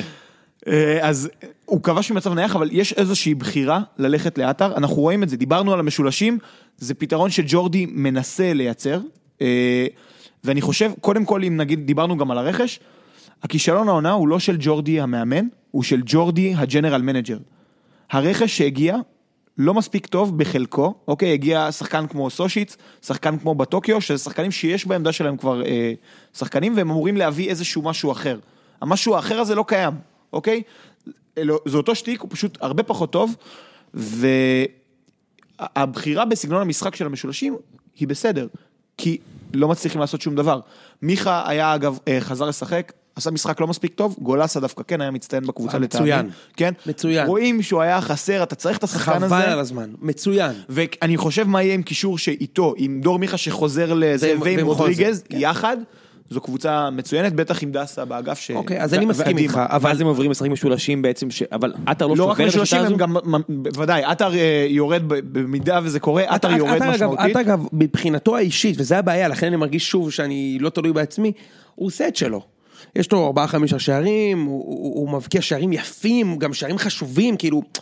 כמו אצילי. הוא בסדר, גם אבל אצילי. הבעיה היא שהוא הרג את הקבוצה. עכשיו, הוא הרג בעיקר שני שחקנים. דוד זאדה, שזה לא נורמלי בכלל. אוקיי, אתה לא יודע איזה מדהים הוא היה בתחילת השנה, כתבתי על זה צוויץ גם. הוא בתחילת השנה היה השחקן הכי טוב במכבי. כאילו, אמיתי. במיוחד בהתקפה, הצטרפות, דריבל, הרמות מדויקות. הוא היה כל כך טוב שהם שיחקו לפעמים שלושה בלמים רק כדי לתת לו את החופש לצאת קדימה. בישולים בלי סוף, הוא בישל, הרי הוא בישל בחודש מכבי יותר ממה שהוא בישל בבאר שבע בכל השנות הבוגרים שלו. עטר הגיע, הבן אדם איבד את זה לגמרי. התקפה והגנה. והשחקן השני שלא שם גול אחד מאז שהוא הגיע זה על הפלנדי. יש לו שער אחד נגד בני יהודה, וזהו. זה השער היחיד שהוא הבקיע כשעטר במגרש. לא הסברתם לי עדיין טקטית למה האיסלנדי לא שם גולים. דיברנו על זה, אין לא, אין מה- שחקנים מה- שמזינים מה- אותו. מה אומר? אין, הוא לא מספיק מקבל, אם אני אסתכל במספרים אני אראה שכמות הפעמים הפלנדי- שהוא נוגע בכדור תפחת. על? הפלנדי- כן, הוא זה- קיבל- זה- הוא קיבל שני כדורים טובים במשחק אה, האחרון. אוקיי, אז- והחמיץ, והוא החמיץ, בסדר, הוא בדרך כלל, על הפלנדי הוא השחקן עם ה... עם ה... עם ה... אה, אה, בעיטות כאילו גולים לבעיטות הכי טובות. היעילות, כן, היעילות. כן. אז הכי טוב שיש, והוא הוא- הוא שחקן שצריך להיות ניזון, הוא לא דריבליסט, הוא לא... למרות שהרבה פעמים שהוא כן הגיע למספרים היפים שלו, הרבה פעמים זה הגולים, אתה יודע, זה לא מקרי, אבל אתה יודע, כמו נגד קריית שמונה, הכדור קופץ פעמיים, הוא לוקח, שם גול. אבל אה, זה הסוג חלוץ שהוא, אני אני עוקב אבל אחרי מה זה. שונה מבחינת סגנון המשחק, כי גם אז זה לא היה ששיחקו לא, לא, בימים בשבילו. הטובים האזינו של אותו, היו מה שחקנים פתאום? שהאזינו אותו מי חפף לו, ודסה, וגם בתחילת השנה רודריגז. וטל בן נכון, חיים שהיה מסכים. מבשל המוביל ל- לווידר מסכים, בעונה היה- שעברה. היה הרבה כדורים לרגל, היה. הרבה כדורים לרגל עכשיו שעכשיו כזה, אין. לא קשור. וזהבי היה היה משחק עליו כל הזמן. בטח. כן, לא- לא השילוב- בין מיטרוביץ', שניהם, כן. מיטרוביץ', אחי, קלינגר ונימני היו מעולים איתו. בדיוק. לא, כאילו אני זוכר. כן, אז כאילו. אם נחזיר- את הדיון לכדורגל. כן, לכדורגל, לעניינים רציניים. אין פה בעיה עם המאמן לטעמי. דווקא תחת ג'ורדי, וידר נתן מספרים מטורפים, אני גם עוקב אחרי זה בטוויטר, נכון, אני אתה- כל הכי פעם, טובים. אני מעלה איזה פעם אגב, בכמה בתחילת חודשים. השנה, עד נכון. שאלירן הגיע, הוא היה מדהים, הוא העלה את מכבי לבתים. כן, ממוצע. של גול למשחק ו- ואיזה שני בישולים ככה ב-20 משחקים סך כן, הכל. גביע הטוטו הוא הצליח לכ- לכבוש, באירופה הוא כבש את השערים החשובים ביותר, הוא היה מדהים. כן, ואנחנו רואים, זה ממש, זו בחירה בסגנון המשחק שהוא עם עטר והוא בא על חשבון וידר. חלק מזה גם בגלל פציעות, כמו במקרה של וואקמה, עטר לוקח על עצמו כרגע את הקבוצה כשהיא נראית לו טוב, זה הביא לזה ניצחון שניים, זה הביא לה נקודה עכשיו מול הפועל חיפה. זה טוב מאוד הקטנות אגב. כן, כן, זה שחקן הוא- ש... נכון, אתה צריך אותו טוב, נגד ה... נגד זה. הקטנות כי הוא יודע בדריבל זה. אני אומר שוב ושוב ושוב ושוב, השלישייה ההתקפית של מכבי כמו שאני רואה אותה, הקבוצתית, הטובה והמנצחת, זה מיכה, כמובן אצילי פצוע, כן? אז זה מיכה, שוינפלד, קיארטנסון. זה השלישייה שלי, אני יודע שכל אחד מהשלושה האלה לא משנה לו אם הוא, קיארטנסון הוא לא שחקן אנוכי אגב, לגמרי. ממש לא שחקן אנוכי. היה לו באירופה נתן אה, משחק עם שני בישולים, אחד ליונתן כהן, השני זה היה שהוא נתן כדור לדוד זאדה שבישל. כן, כן, הוא לא שחקן אנוכי בכלל, הוא שחקן שטובת הקבוצה עומדת לנגד עיני- עיניו יותר מהרבה שחקנים אחרים בקבוצה. זה השלישייה שלי, שלישייה שתשחק ביחד. לעומת זאת, מי לא השלישייה שלי? עטר. בלקמן. אני לא יכול לראות את השחקנים האלה שמשחקים בשביל הסטטיסטיקה שלהם. אז עכשיו, עטר הוא יש לי שאלה, אבל בשבילך. וזה, אבל בלקמן זה ממש נורא. יש לי שאלה, וזה קשור להפועל חיפה. למה שלישייה? מה, למה לא רביעייה? לא, למה באופן כללי, כאילו, אני, אני מנסה לה- להסיט את הדיון לכיוון של הפועל חיפה. הפועל חיפה ומכבי נתניה, אני מוצא בין שתיהן המון המון המון. אה, מה, למה לא שני חלוצים בשפיץ? זהו, כאילו? אני מוצא המון נקודות דמיון. כלומר, יש, הכדורגל העולמי אוהב נורא את, ה, את הקיצוניים האלה באגפים, ודריבלים והגבהות וכן הלאה, ומכבי נתניה והפועל חיפה עושות משהו נורא פשוט, הן חוזרות ליסודות. 4-4-2 צפוף באמצע, עם playmaker אמיתי. שחקן שיודע לייצר מצבים לחברים שלו. למכבי אין את אה, השחקן הזה, אבל. אני אומר, אבל למה ללכת לסגנון כזה ולא, אה, אגב, דור מיכה לא שחקן לא, כזה? כן, אבל נכון, אבל מיכה אין את ה... למיכה אין את העוצמה של אה, רן לוי, סליחה שאני אומר את זה. ושל חנן ממן מבחינה, כן, הם, הם יותר לוקחים על עצמם, אתה מרגיש. שהם כאילו, הם, הם רוצים את זה והם... אה, הוא גם- אין- הוא גם משחק יותר לרוחב והם משחקים יותר פנימה. לא, השנה- מיכה הוא השחקן שמשחק לעומק הכי הכי הרבה. יותר מ... השנה? השנה שעברה... שנה- השנה הוא היה פצוע המון, כשהוא שיחק, הוא, הוא- אחי, הוא עדיין מלך הבישולים, כאילו, מה תגיד, כאילו. הבן אדם שיחק שני לא, משחקים. אני רוצה להגיד, אני חושב ש... לא, הוא לא בשנה לא טובה. אני חושב לא- שכדאי כאילו, אולי לחשוב על... הוא לא אה, שחקן שמושך אש כמו חנן ממן. מה אתה אומר? שאני חושב שכדאי אולי לחשוב על שינוי דיסקט. כלומר, יני בכושר רע. מאוד מאוד מאוד, בלי קשר לזה, הוא... אקסיומטי, כולם תסכים מדברים- איתי סבבה. שזו העונה הכי גרועה שלו, שראית אותו. כן, כנראה. אה, הוא כאילו הורג אותנו בכל תפקיד שהוא משחק, זה לא נורמלי. שבעה חודשים אחורה, אורי אוזן ואתה אומרים לי, פה במשרד, שנה שעברה הוא שינה את כל מכבי. שבעה חודשים, כן, אמרתם לי, שחקן השחקן מצוין. הכי טוב בליגה. הוא שנה שחקן שעברה הוא מצוין. שינה את כל מכבי. הוא פשוט. בכושר לא טוב, לא צריך למהר לשפוט, אני אומר, השימוש לדעתי הטוב ביותר שלו זה לעשות ממנו האובן של מכבי תל אביב. שיהיה משהו שיאפשר לשנות מערכים תוך כדי המשחק, לעבור בין אה, 3-5-2 וזה, אני- לשחק עם שוינפלד לצד וידר. לצד בחוד, שניים ומאחורי מי חפף לו, נכון. ואז אה, גולסה בטוקיו רודריגז. נכון, זה יכול להיות מערך מצוין עם דסה ודוד זאדה שיש להם את כל אבל אין לי דסה. בסדר, הלוואי, אוקיי, אני צריך את דסה במערך הזה. גם בלי זה, אני יכול... חייב את דסה במערך הזה. אה, אחלה מערך, חייב את דסה במערך הזה. אז זה מה שאני אומר, לדעתי זה, זה הרעיון, כאילו לא צריך להתעקש על השלישייה. כי השלישייה הזאת אומרת עטר בשמאל. אגב, אני בפיפא החדש גם משחק ככה.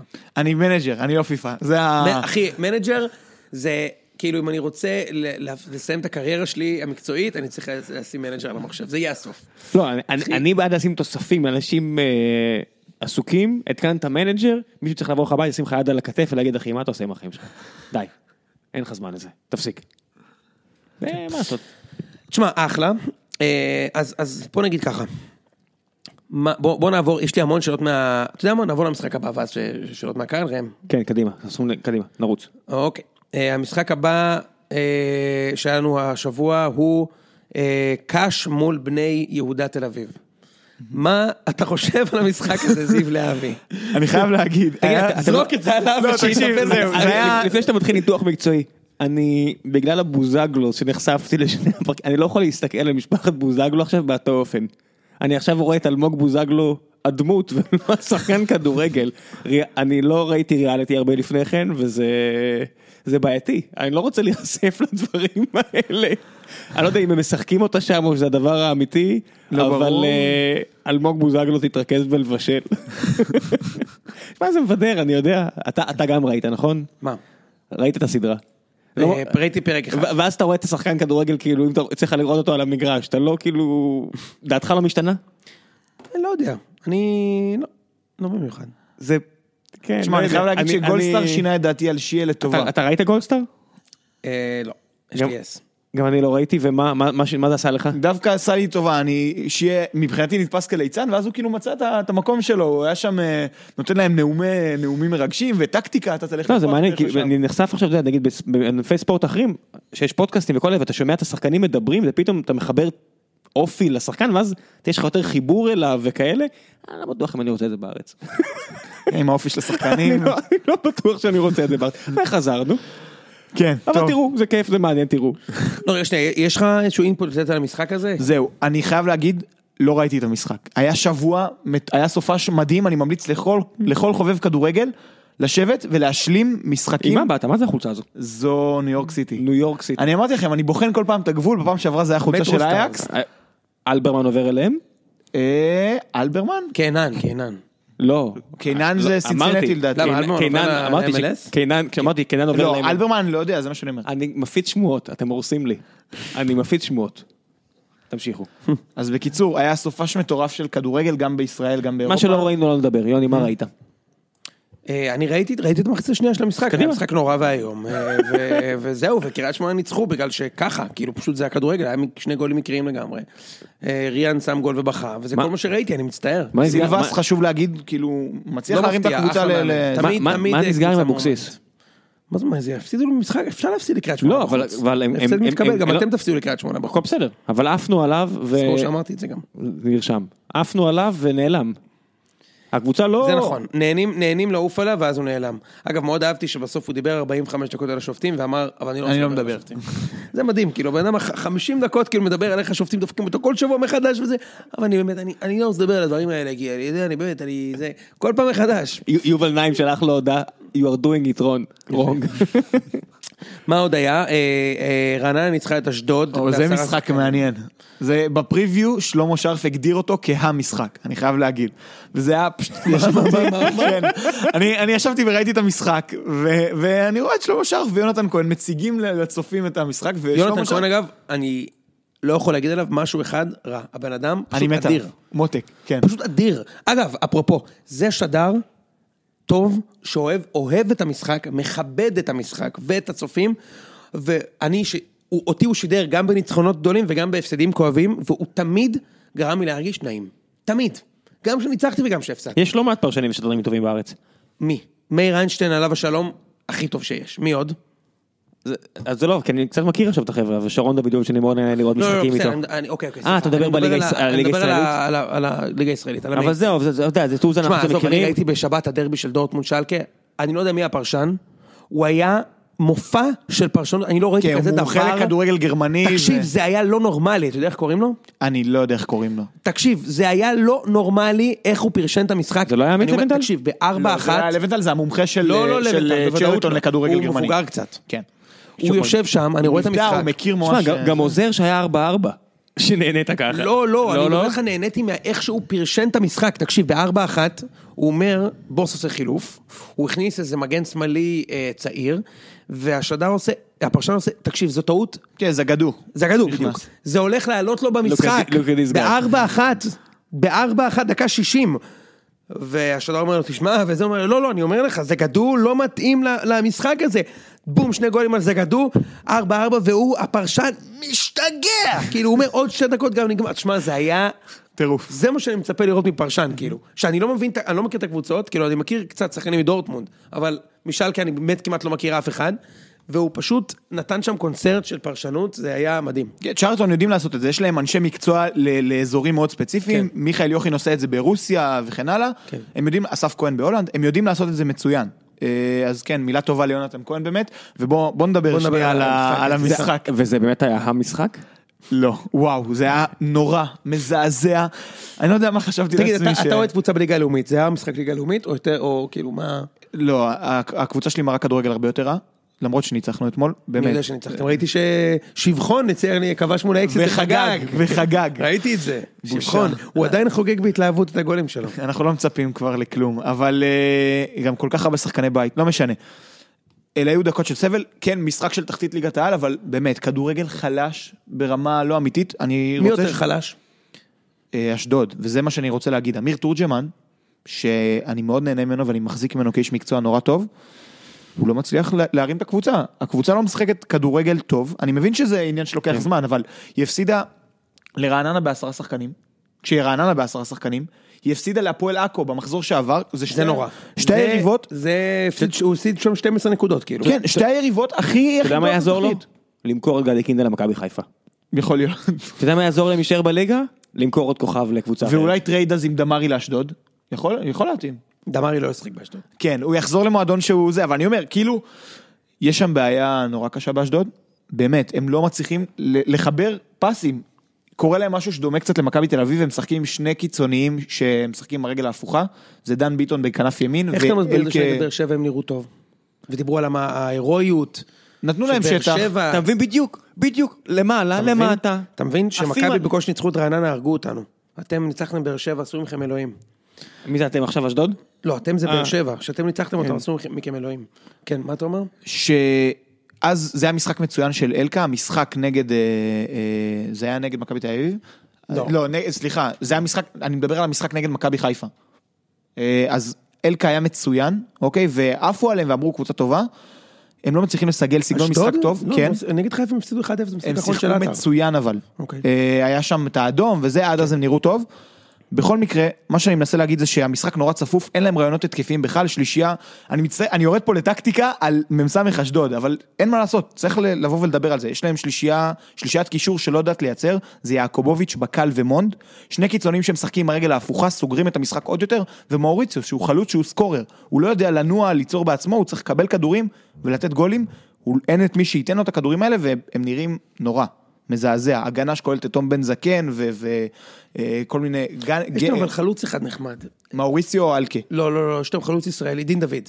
דין דוד, הוא עולה מהספסל הרבה, Mm. אה, לא מתחבר, יש להם זרים, הם כמו שהם לא לא עולים עם, אה, מכבי חיפה לא עולים עם עווד, בוחרים לא לתת לו את ה... אוקיי. ברשותך אנחנו לא נתייחס למשחק של סכנין אשקלון, כי אה, אה, אין לנו זמן ואין גם, אין אין לנו קהל לזה, אני אגיד לך את האמת. כי כי מלבד המשפחות של השחקנים, לא- לא, אף אחד לא ראה את זה. לא, לא, תשמע, לא, זה- נתנו פה לא, לא, טקטיקה לא. רצינית על אשדוד, אני די מבסוט, כן. ועל מכבי פתח תקווה בכלל, אני לא בטוח שיש כל כך על מה לדבר, כי המשחק הזה לא, הוא לא- לא נחשב, זאת אומרת, זה יהיה הפסד טכני. נכון.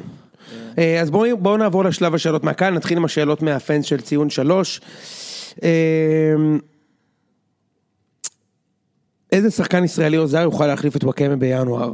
והאם בהנחה שהוא עוזב בינואר, באר שבע תרכוש שחקן לדעתך לחיזוק האגף הימיני או השמאלי? ומי יתאים? אה, ימני, בהנחה שקוונקה כאילו ישוחרר נגיד. האם צריך לשדר- לשדרג, איך אפשר להחליף את וואקמה בקיצור? ספרטה פראג אומרת, יש לנו מישהו בשבילכם, אם אתם רוצים. וואי, חלום שלי שלך. איזה כיף, מתחת לחופה של חתן בן איזה חיים. כיף זה יהיה אם הוא יהיה אצלכם. בדיוק. הם לא לא יביאו אותו, זה לא השחקן, זה לא. האופי שהם עד שהם מסוגלים יפתרו. מבוזגלו. יביאו עוד ילד עוד יותר חרא. אי אפשר לעמוד בסכומים האלה גם. לא, באמת, האם אפשר להחליף את וואקמה עם שחקן ישראלי או זר? כי יש הרבה כאילו שמדברים. אה, אני חושב שזה שם מפתיע, לא רפאלוב, כי קודם כל רפאלוב מקושר למכבי תל אביב, אני לא מדבר עליו, קני סייף. קני סייף בכנף שמאל, יכול להיות משהו מאוד מאוד מעניין ישראלי, אה, זה מאפשר להביא עוד... אה, להביא. רשמתי. לה- להביא, זה מאפשר באמת לתת עוד, עוד מקום לזר. אלברמן הולך לשם, הוא חוזר לפה? די, תפסיק כבר. אוקיי. למה, הוא לא משחק בארצות הברית בכלל. לא, ב- כן, ולא? לא, הוא הוא נבחרת ארצות הברית, זהו, כאילו בדיוק. ראם זורק לנו פה אבל הוא- שמועות. הוא בגנט משחק, נכון? כן. אה, פצוע עכשיו. נכון, אבל לדעתי שחקן שיכול להגיע, אם אנחנו מדברים על ישראלים, מבחינה אירופית השוק פתוח, זה העולם גדול באמת, אתם רוצים, אני אכין לכם לשבוע הבא רשימה של שמות של שחקנים, אל תכין לנו, תכין את נכין את דודו. לא, לא, תביא, תביא. כן, רשימה של שמות של... מה אה, שצ- מה שנראה לי מגניב יהיה אם תעשה, אם תביא כאילו, אה, ל- לכל אחת מהטופ אה, סיקס כאילו, שני שחקנים שהיא מביאה, וגם זה צריך להיות בגבולות הסביר, בוודאי. להביא, משדרג את עצמה משמעותית. בואו אוקיי, נראה מה הפרויקט הזה ייצר. הנה, כי זה לא מה שאפשר, מבחינה עולמית זה לא מה שאפשר לענות עליו על רגל אחת, אני אגיד, שניתן- פרויקט ניתן ואני על זה. כן. אנחנו מבטיחים לזה את זה רעש. אוקיי, סבבה, אז- אז אתה אומר כן ייסעף אולי, אוקיי, זה משנה קצת המשחק של באר שבע. בוודאי, אה, לא יהיה תואם וואקמה לפחות בקרוב, הברקה. של אה, אגב אה, רוטמן של רעננה הביא אותו לארץ, באמת אחלה פגיעה. יפה. האם זה המשחק הכי טוב של באר שבע העונה? לא. מה המשחק הכי טוב של באר שבע? מכבי תל אביב. המשחק מול מכבי תל אביב היה שם, כי, כי זו הייתה התעלות של המאמן, אבל זה היה תצוגה אה, מושלמת של, של העוצמה של הקבוצה, שהשחקנים מבצעים בדיוק את מה שהמאמן רוצה. בעיניי, אה, לכן זו הייתה התצוגה הכי טובה. כן, זה היה משחק מצוין של הפועל באר שבע. לא מספיק טוב, אה, גם היא הייתה לא יציבה ל- להרבה דקות, אחרי ה-2-1 היה שם כמה... גם לפני, ה- ב-0-0, בתחילת החצי השני היה להם כמה דקות לא טובות כל כך. בית"ר פתחו טוב את החצי השני. אז כן, אבל כן משחק טוב, לא הטוב ביותר. אוקיי. אה, מה באמת קורה עם מיכאל אוחנה לדעתכם? זה זה מקצועי?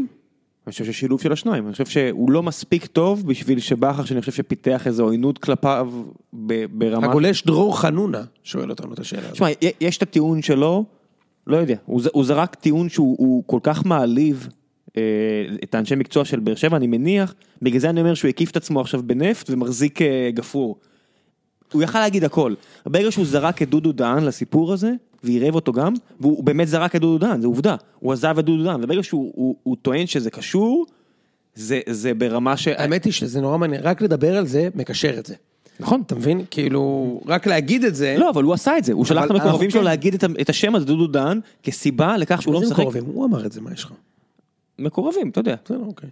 זה אני, אימא של דוש, אימא של מיכאל. כן, בדיוק. אתה יודע. הכל בסדר, אבל ברגע שהוא הלך לכיוון הזה, זה האשמה כל כך חמורה, שאם זה לא, נראה לי שאם זה לא ייגמר בשיחה של בכר אומר לו, כרטיס צהוב, פעם הבאה, אתה יודע, או... הוא כבר קיבל כרטיס צהוב, אוחנה. תראה, קודם כל בכדורגל הישראלי, שום דבר לא יפתיע אותי. ואם יום אחד יתגלה, אני לא חושב שיש למישהו אינטרס לחשוף את זה ולכן זה לא יתגלה, שדודו דהן הוא למעשה המנהל המקצועי של באר שבע, ושהסיבה שבאר שבע שילמה מיליונים על אוחנה, זריאן, אה, עבד- עבד אל חמיד, וובה בראון, מוחמד גדיר, אה, יש הרבה. אה, זה בגלל אה, אה, בובו דהן, זה לא יפליא אותי, אבל בהקשר אחד זה כן יפתיע אותי. כי בכר לא נראה לי איש שהסוכן יגיד לו לא להרכיב שחקן טוב והוא לא ירכיב אותו בגלל הסוכן. נראה לי שבכר עשה מספיק כדי להרוויח את הקרדיט שלנו בקונטקסט הזה, ואם זה יתגלה... דוגמה, יפה, מאור בוזגלו. אגב, רגע, הוא גם הסוכן שלו. בוזגלו, הוא גם הסוכן שלו. נכון, הוא הסוכן של בכר. יעקב בוזגלו טוען שבכר הוא אדם ישר כמו פלס. ואם ורק יעקב בגלל זה בוזגלו, אני אשים תמונה שלי עם יעקב בוזגלו כתמונה של הפרק הזה. כן. בבקשה. חיכיתי לתירוץ, חיכיתי שתכין לי את זה, והנה. זה גם דיברת על התוכנית. חיכיתי שתגידו יעקב. אז אוקיי. אם יעקב בוזגלו, אבל אז זה כאילו הפרק הוא על בוזגלו. על יעקב. לא, אז לא, אני לא אשים תמונה. צריך לשים אחת התמונות שלו, של המנג'ר, של הגרפים. אני. אשים, אני אשים, אני אוציא את עצמי מהתמונה, את יעקב בוזגלו ואותו. אני אשים את זה בפוטושופ, סבבה? אבל פוטושופ גרוע, כאילו כן. ברמה אני, נוראית. אני אשים את הפרצוף שלך, זה פעם ראשונה שלי שיער בעשור האחרון, יאללה. אוקיי, נו. בקיצור, אם יעקב בוזגלו טוען שברק בכר ישר, זה מאוד מאוד מעניין מה שאוחנה אומר. מעניין לבחון את זה, באמת לראות אם זה, אם זה קיים, לא קיים. חבר'ה, שאלו את עצמכם, ברק בכר היה במסלול, שאם היה לו עונה אירופית מעולה, אם הוא היה מצליח להגיע לליגת האלופות, אם הוא היה מצליח לעבור את שלב הבתים הזה בצורה טובה, הבן אדם יכול לדבר על חוזים באירופה עכשיו. ראינו מאמנים שיוצאים מפה לחוזים באירופה. הוא לא היה מזיין לעצמו את העתיד. ישראלים? לא, זה עדיין לא. זה מעניין. אברהם, אברהם כן. אה, גיא לוזון כן. אבל- גיא לוזון, גם במקרה של גיא לוזון וגם במקרה של אברהם גרנט, זה היה הכל פה... בסדר, אבל אני אומר, אבל הוא לא היה מזיין לעצמו את העתיד, בשביל מה? שלמוני מסוכן? מה הוא יכול להביא לו? מיליון דולר? חבר'ה, עזבו את השטויות האלה. בוא נמשיך. קודם כל מיליון דולר זה הרבה כסף לאחד כמו בכר. אבל עזוב, זה אני- בכר, הוא מספיק מוכשר, הוא יגיע לזה, באמת, לא- מאמן הוא עדיין לא עצום, בן הוא- 40, יש לו עתיד הרבה יותר מקצועי מאשר לקבל שלמוני מסוכן, די, זה לא לא רציני. אוקיי, נמשיך. טקטיקה, תן שאלות. אה, האם בני בן זקן מתיימר להיות המאמן הגרוע ביותר שאימן בביתר אה, אי פעם? האם בני בן זקן הוא המאמן של בית"ר ירושלים? זו גם שאלה. אוקיי. שאלה הבאה, אה, יוסי בניון, תחילת הסוף? כאילו ברור שזה הסוף, אבל השאלה הוא- השאלה היא, סוף הסוף. האם הספסול הוא מקצועי או אישי לדעתכם? אני חושב שהוא היה צריך לשחק במשחק הזה. כן? כן? זה הגיוני, כן? זה מה שהם היו צריכים, אבל... אם יש לך רצף כזה גרוע, שמן הסתם יש פה משהו מנטלי מול קבוצה אחת, אז תשים מישהו שבבירור לא ירעדו לו הביצים. נכון. מה, מה, מה, אתה אמרת שרפאלוב מקושר למכבי תל אביב, יש לנו שאלה פה מחלם מהטוויטר, מה יש למכבי לעשות עם רפאלוב אם הוא יבוא? אה, לשחק עם שלישייה התקפית. אמרנו, שלישייה התקפית כרגע מכריחה שעטר בהרכב, יש לזה כל מיני היבטים שהם לא כל כך בריאים בקבוצה. רפאלוב ו- הוא גם שחקן שחותך לאמצע, נכון? נכון, אבל הוא- שחקן, הוא לא רעל ב- ב- מבחינת הסגנון משחק. וזה כן יאפשר לשחק עם שלישייה התקפית, כשאצילי סלש בלקמן סלש מיכה נמצא באגף ימין, כשמיכה לא עובר לאמצע. רפאלוב הוא יותר כנף שמאל? כן. הוא left forward או wing כאילו? אה, left forward, לטעמי, כלומר הוא, הוא כובש המון המון המון, יכולות הבישול שלו, המסירה, ההגבהה, לא בזכות זה הוא, זה, הוא, הוא scorer, אה, ראית אותו משחק בשנה האחרונה? כן. הוא הרי בברוז' לא משחק. פצוע, נכון, וזה, אה, הוא גם, הוא, כאילו, צריך להגיד את זה, הוא בכושר לא טוב, אוקיי? גם הפציעה, גם באופן כללי, המאמן לא סומך עליו, יש לו המון המון בלאגנים שם. גם הם מצאו שיטה שהוא לא... הם משחקים, נכון, לא משחקים... והם אה, רצים המון, קשה מאוד לרפאלוב עם זה. זו קבוצה שרצה, נלחמת, דווקא המאמן של ברוז' הוא שחקן שלא היה, כן, אה, כן. לא היה, אה, זהו, היה כוכב, אז כאילו הסיבה העיקרית שהוא לדעתי מסופסל בגלל שהוא לא מתאים לשיטה שהם מצאו כדי לנצח. כמו שמכבי שנה שעברה הביאו את סקריונה, שהוא שחקן לדעתי מצוין, נכון. משחק בשיטה ש... הוא שמו לא אותו באגף או זה, והוא לא, הוא לא בנוי לזה. 50-50, וזה נכון. הוא הוא רק... מתחת לחלוץ. רק מתחת לשני חלוצים. עושה את התנועות לעומק שלו וזה. נכון. אה, והוא לא, הוא לא מספיק טוב כמו זהבי, כדי שזהבי גם אם אתה שם אותו חלוץ, הוא יודע לתת את ה... זה. אמ, אוקיי, אה, אוקיי, כתבו ככה, האם לשרן יני עדיין יש חלק בזה שהוא משחק באגף ימין? למה הוא לא מדבר עם אה, קרויף, שלא יצ- יציב אותו שם? אה, ואז הצטרפו לשאלה ואמרו, אה, כן, מצטרפים לשאלה הזאת, מה התפקוד של יני במכבי? כאילו, מה הסרט הזה, והאם זה נכון שהוא משמעותית פחות טוב ממה שנים עברו, ושמשחקים אה, המון על הצד שלו למרות שהוא לא טוב. אה, דיברנו על זה קצת. נכון. אני כן אגיד שלגבי הקרויף, הקשר שלו עם יני, אני לא יודע, אני, יכול להיות שאתה יודע יותר טוב ממני. אני אגיד שאני חושב שיני צריך להיות תואם אובן בבאר שבע, איזשהו כלי טקטי, הוא יצא מתישהו מהתקופה הרעה, עזוב את זה שהוא לא, הוא כרגע לא טוב, ועל הקשר עם קרויף אתה יכול להרחיב? שאלה של יניב פרנקו, אוהד הפועל תל אביב וחבר, איך אתם מעריכים את הפרויקט של ברקוביץ' בראשון לציון? האם לחשוש על אמת? אני לא יודע אם הוא שאל בציניות או אני- לא, אבל הוא חושב הוא יקבל פה תשובה. אני חושב שבאותו מידה אתה צריך לחשוש, היריבות של בן רייכרד צריכות לחשוש ממנו. לא? כן, פחות או יותר, כן, זה ה... לא באמת, כאילו מה... זהו, אני, כאילו היה את ה- גם הקמפיין האחרון של ברקוביץ' לנבחרת וכן הלאה, אז יצא לי לקרוא עליו הרבה, כי אמרתי, אוקיי, אני, אם אני רוצה לגבש דעה שהוא נכשל כ, כמנהל מקצועי, כמאמן, אני רוצה לקרוא עליו קצת. ונכנסתי לכל מיני פורומים של אה, אוהדי הפועל ראשון לציון, יש פינות חשוכות כאלה ברשת. בדארק ווב. כן, זה בדיפ. ויש איזו מחאה על המחלקת נוער ועל הכספים מהעירייה, כלומר גם שם הם נראים טוב הקבוצה הבוגרת, אבל יש שם הכל רקוב מלמטה, אז לא, לטעמי זה, זה לא הולך לעבוד, ומתישהו יעלה לברקו הברקו ו... ויתפוצץ. סבבה. טוב, אה, נעבור להימורים, ראם. אני, אני מסתכל פה על הכותרת החדשה בוואלה, מ-708, אביו של מיכאל אוחנה. דברים מוזרים ולא מקצועיים מתרחשים בהפועל באר שבע. שכחו שמיכאל היה פקטור משמעותי באליפות. אנחנו נקבל אותו בברכה אצלנו. את אני האבא? חושב שהוא שחקן טוב. את מיכאל? גם את מיכאל וגם את האבא. יש אה, שמועות על טרייד עם מכבי חיפה על בוא, מאוד תקשיב איזה עסקה מדהימה זאת, חבל על הזמן כן. לחיפה. תקשיב, אני אומר לך. אני חייב להגיד שגם. לבאר שבע. אה, אני לא חושב. אני חושב שקהת הוא יצליח בבאר שבע, בוודאות. בטח עם בכר. בוודאות. אבל אוחנה הוא כוכב. כן, זה... אתה מבין מה אני אומר? כאילו, כן, כן, קהת כן. יצליח בבאר יש שבע, לו הוא יגמור את העונה, הוא יגמור את העונה הזאת עם שבעה ש- שערים בבאר שבע, ואני בטוח. הוא שחקן שלא יצטרף מקו שני, הוא שחקן חכם, הוא קצת שלשלן. הוא שחקן הרבה יותר של בכר. הוא- הוא שחקן שבכר יותר הוא אוהב. שחקן שלשלן, אבל אוחנה הוא כוכב. אתה צריך לזכור את זה.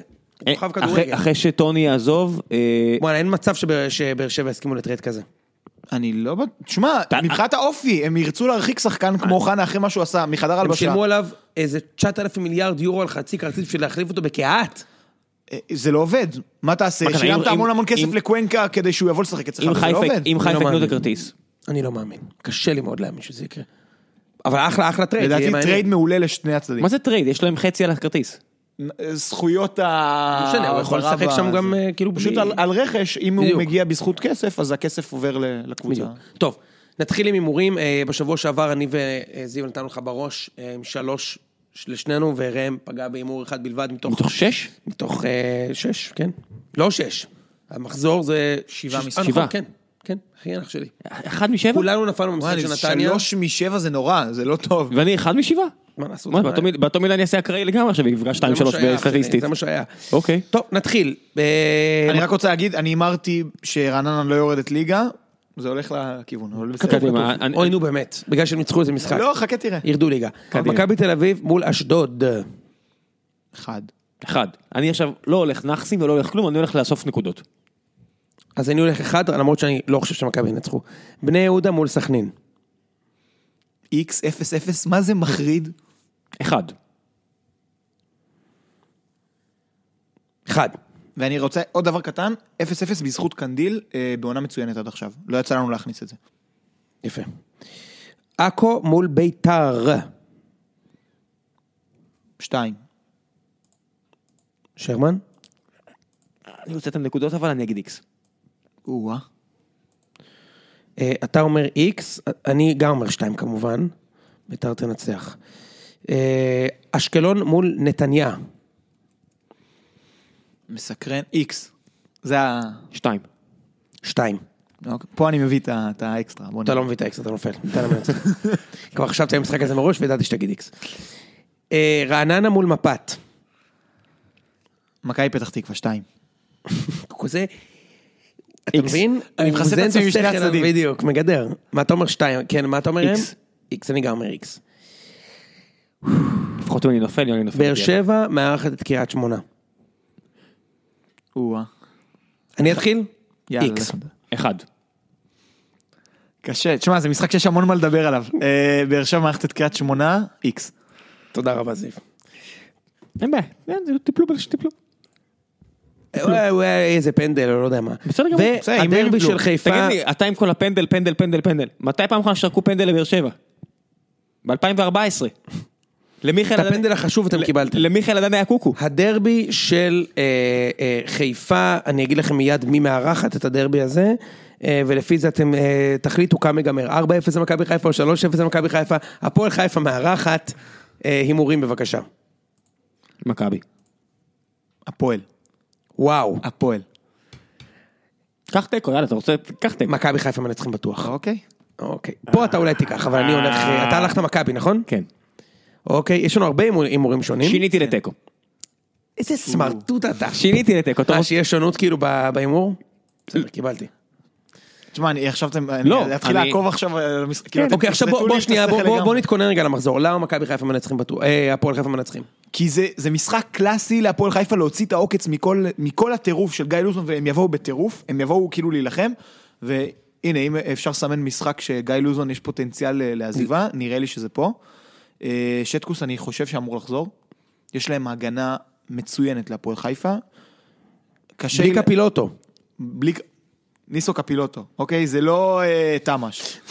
לא, חשבתי שבא להגיד זה לא, חשבתי שבא להגיד זה אה. לא תיאגו סילבה, אתה אומר לי זה לא תמ"ש. לא. מה, זה היה קורה עכשיו, אתה יודע, זה כזה, אינסו קפילוטו. בוא, אחי, זה לא יקיר שינה. באנו לדבר על כדורגל ישראלי, לא? נכון, נכון. אוקיי, אז... ואת המתפרצת הם ידעו לתת. יש להפועל חיפה, אני אעלה על זה פוסט השבוע, יש להפועל חיפה דפוס התקפי נורא מעניין בהתקפות מעבר, הם יוצאים לשלושה על שלושה, עושים את זה מדהים, כמו תרגילים באימון, שלושה על שלושה תמיד נגמר במצב הבקעה, ככה הם גם כבשו את השער הראשון אה, מול מכבי תל אביב. ונראה לי שיהיה איזה אחד, שניים כאלה שיגמרו בשער אני לפחות. חושב שמכבי חיפה תנצח את המשחק הזה כמו כל לי. דרבי. זה פשוט עניין של קרמה של עיר. מכבי חיפה תנצח בדרבי. אתה אומר יש דברים שנועדו לקרות. כן. ואני חושב אה, שתיקו, בגלל שהם אוהבים לבעוט בדלי, והם יתעוררו רק אחרי שהפועל חיפה תעלה, תעלה ליתרון, ואז בגלל הקרמה שאתה מדבר עליה, שזה דבר אמיתי, זה לא איזה משהו מיסטי, זה פשוט, הביצים יתחילו לרעוד להם, והם יחטפו גול, יהיה אחד אחד כזה. יכול להיות. אה, באר שבע מול קריית שמונה בוא נתכונן דקה. קריית שמונה, אה, סילבוס ידע מה לעשות, הוא מאמן רציני, ואני אמרתי שאם בכר יעזוב, הייתי שמח לראות את סילבוס מחליף אותו. אה, כבר אני אומר את זה לא מעט זמן, ויורדים עליי בכל פעם שאני אומר את זה, כנראה בגלל שאני לא מבין כלום מהחיים שלי. לא, אתה אה, מבין לחלוטין. לא, לא, לא, אל תגן עליי, זה בסדר. אני יודע מה אני לא, מדבר. אתה לא מבין כלום אחרים שלך, כן. אבל פה אתה צודק. מאה אחוז, זה- יותר טוב.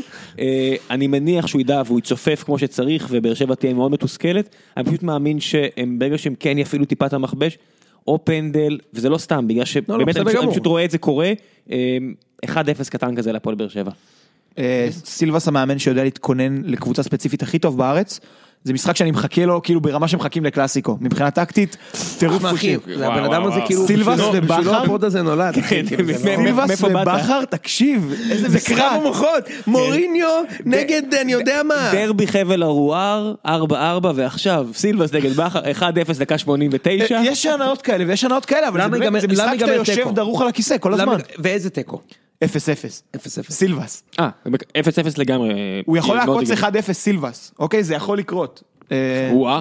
איזה כיף, אתה- מבין שזה. לא קרה כבר איזה, מה, 40 משחקים? לא קרה, אתם לא יכולים להפסיד בבית. כן, זה בטרנר, אתם לא יכולים וואו. להפסיד בבית. 40 משחקים, נכון? בליגה? אבל אם יש קבוצה, שאם יש מאמן שיודע לעשות את זה, זה סילבס שעשה את זה עם רעננה נגד מכבי תל אביב, כשהיה להם רצף ניצחונות מדהים או רצף בלי הפסד. הוא ישבתי, את זה לבאר שבע. ישבתי הוא רק... עשה את זה לבאר שבע, נגמר 0-0 שם בעונה של, שהם לקחו את האליפות הראשונה. הוא מאמן, כן, תקשיב. במשחק ספציפי הוא יודע. להכין, היה לו, תקשיב, יש ראיון איתו, תקשיב, הם העיפו את באר שבע מהגביע בחצי גמר לפני ארבע שנים. אה, אה, אוקיי, כן. הם העיפו אותם מהגביע לפני שנתיים, מי שהעיף אתכם בחצי לפני ארבע שנים זה היה בכר אח שלי. עם קריית שמונה. כן, זה לא היה נכון. סילבס, זה היה בכר. לא, לא אמרתי הוא, אה, אתה אומר אמרתי על הקרמה של קריית שמונה. קריית שמונה. נכון. אה, כמעט ניצחו אותם בטרנר, בגביע ניצחו בטרנר, יש פה, יש פה משהו. אני חייב להגיד על סילבס, יש איתו ראיון אבוד שאני מנסה להשיג, אם יש איזה קורא שיש לו את הראיון, קורא מאזין, אני אשמח לקבל, עשו איתו ראיון בא- באתר נבדל, שבו הוא מפרט איך הוא מתכונן למשחק עם מכבי תל אביב, נשיג את זה, נפרסם, מטורף. מטורף. טוב, זה היה שעה ורבע ראם, זה היה זמן שיא של ה pod, נכון? אני רק רוצה להגיד שבקריית שמונה יש, אה, להפועל יש חיבה, ל- ל- אתה יודע, אנחנו צריכים אה, לחזק את עניין המגזר, וקריית שמונה יש שחקן שהבעלים רוצה למכור אותו, ויש שחקנים בקריית שמונה שזה רעיון עבודה מבחינתם. נכון. בהצלחה אחמד. יאללה, שבוע טוב לכולם, ביי. ביי.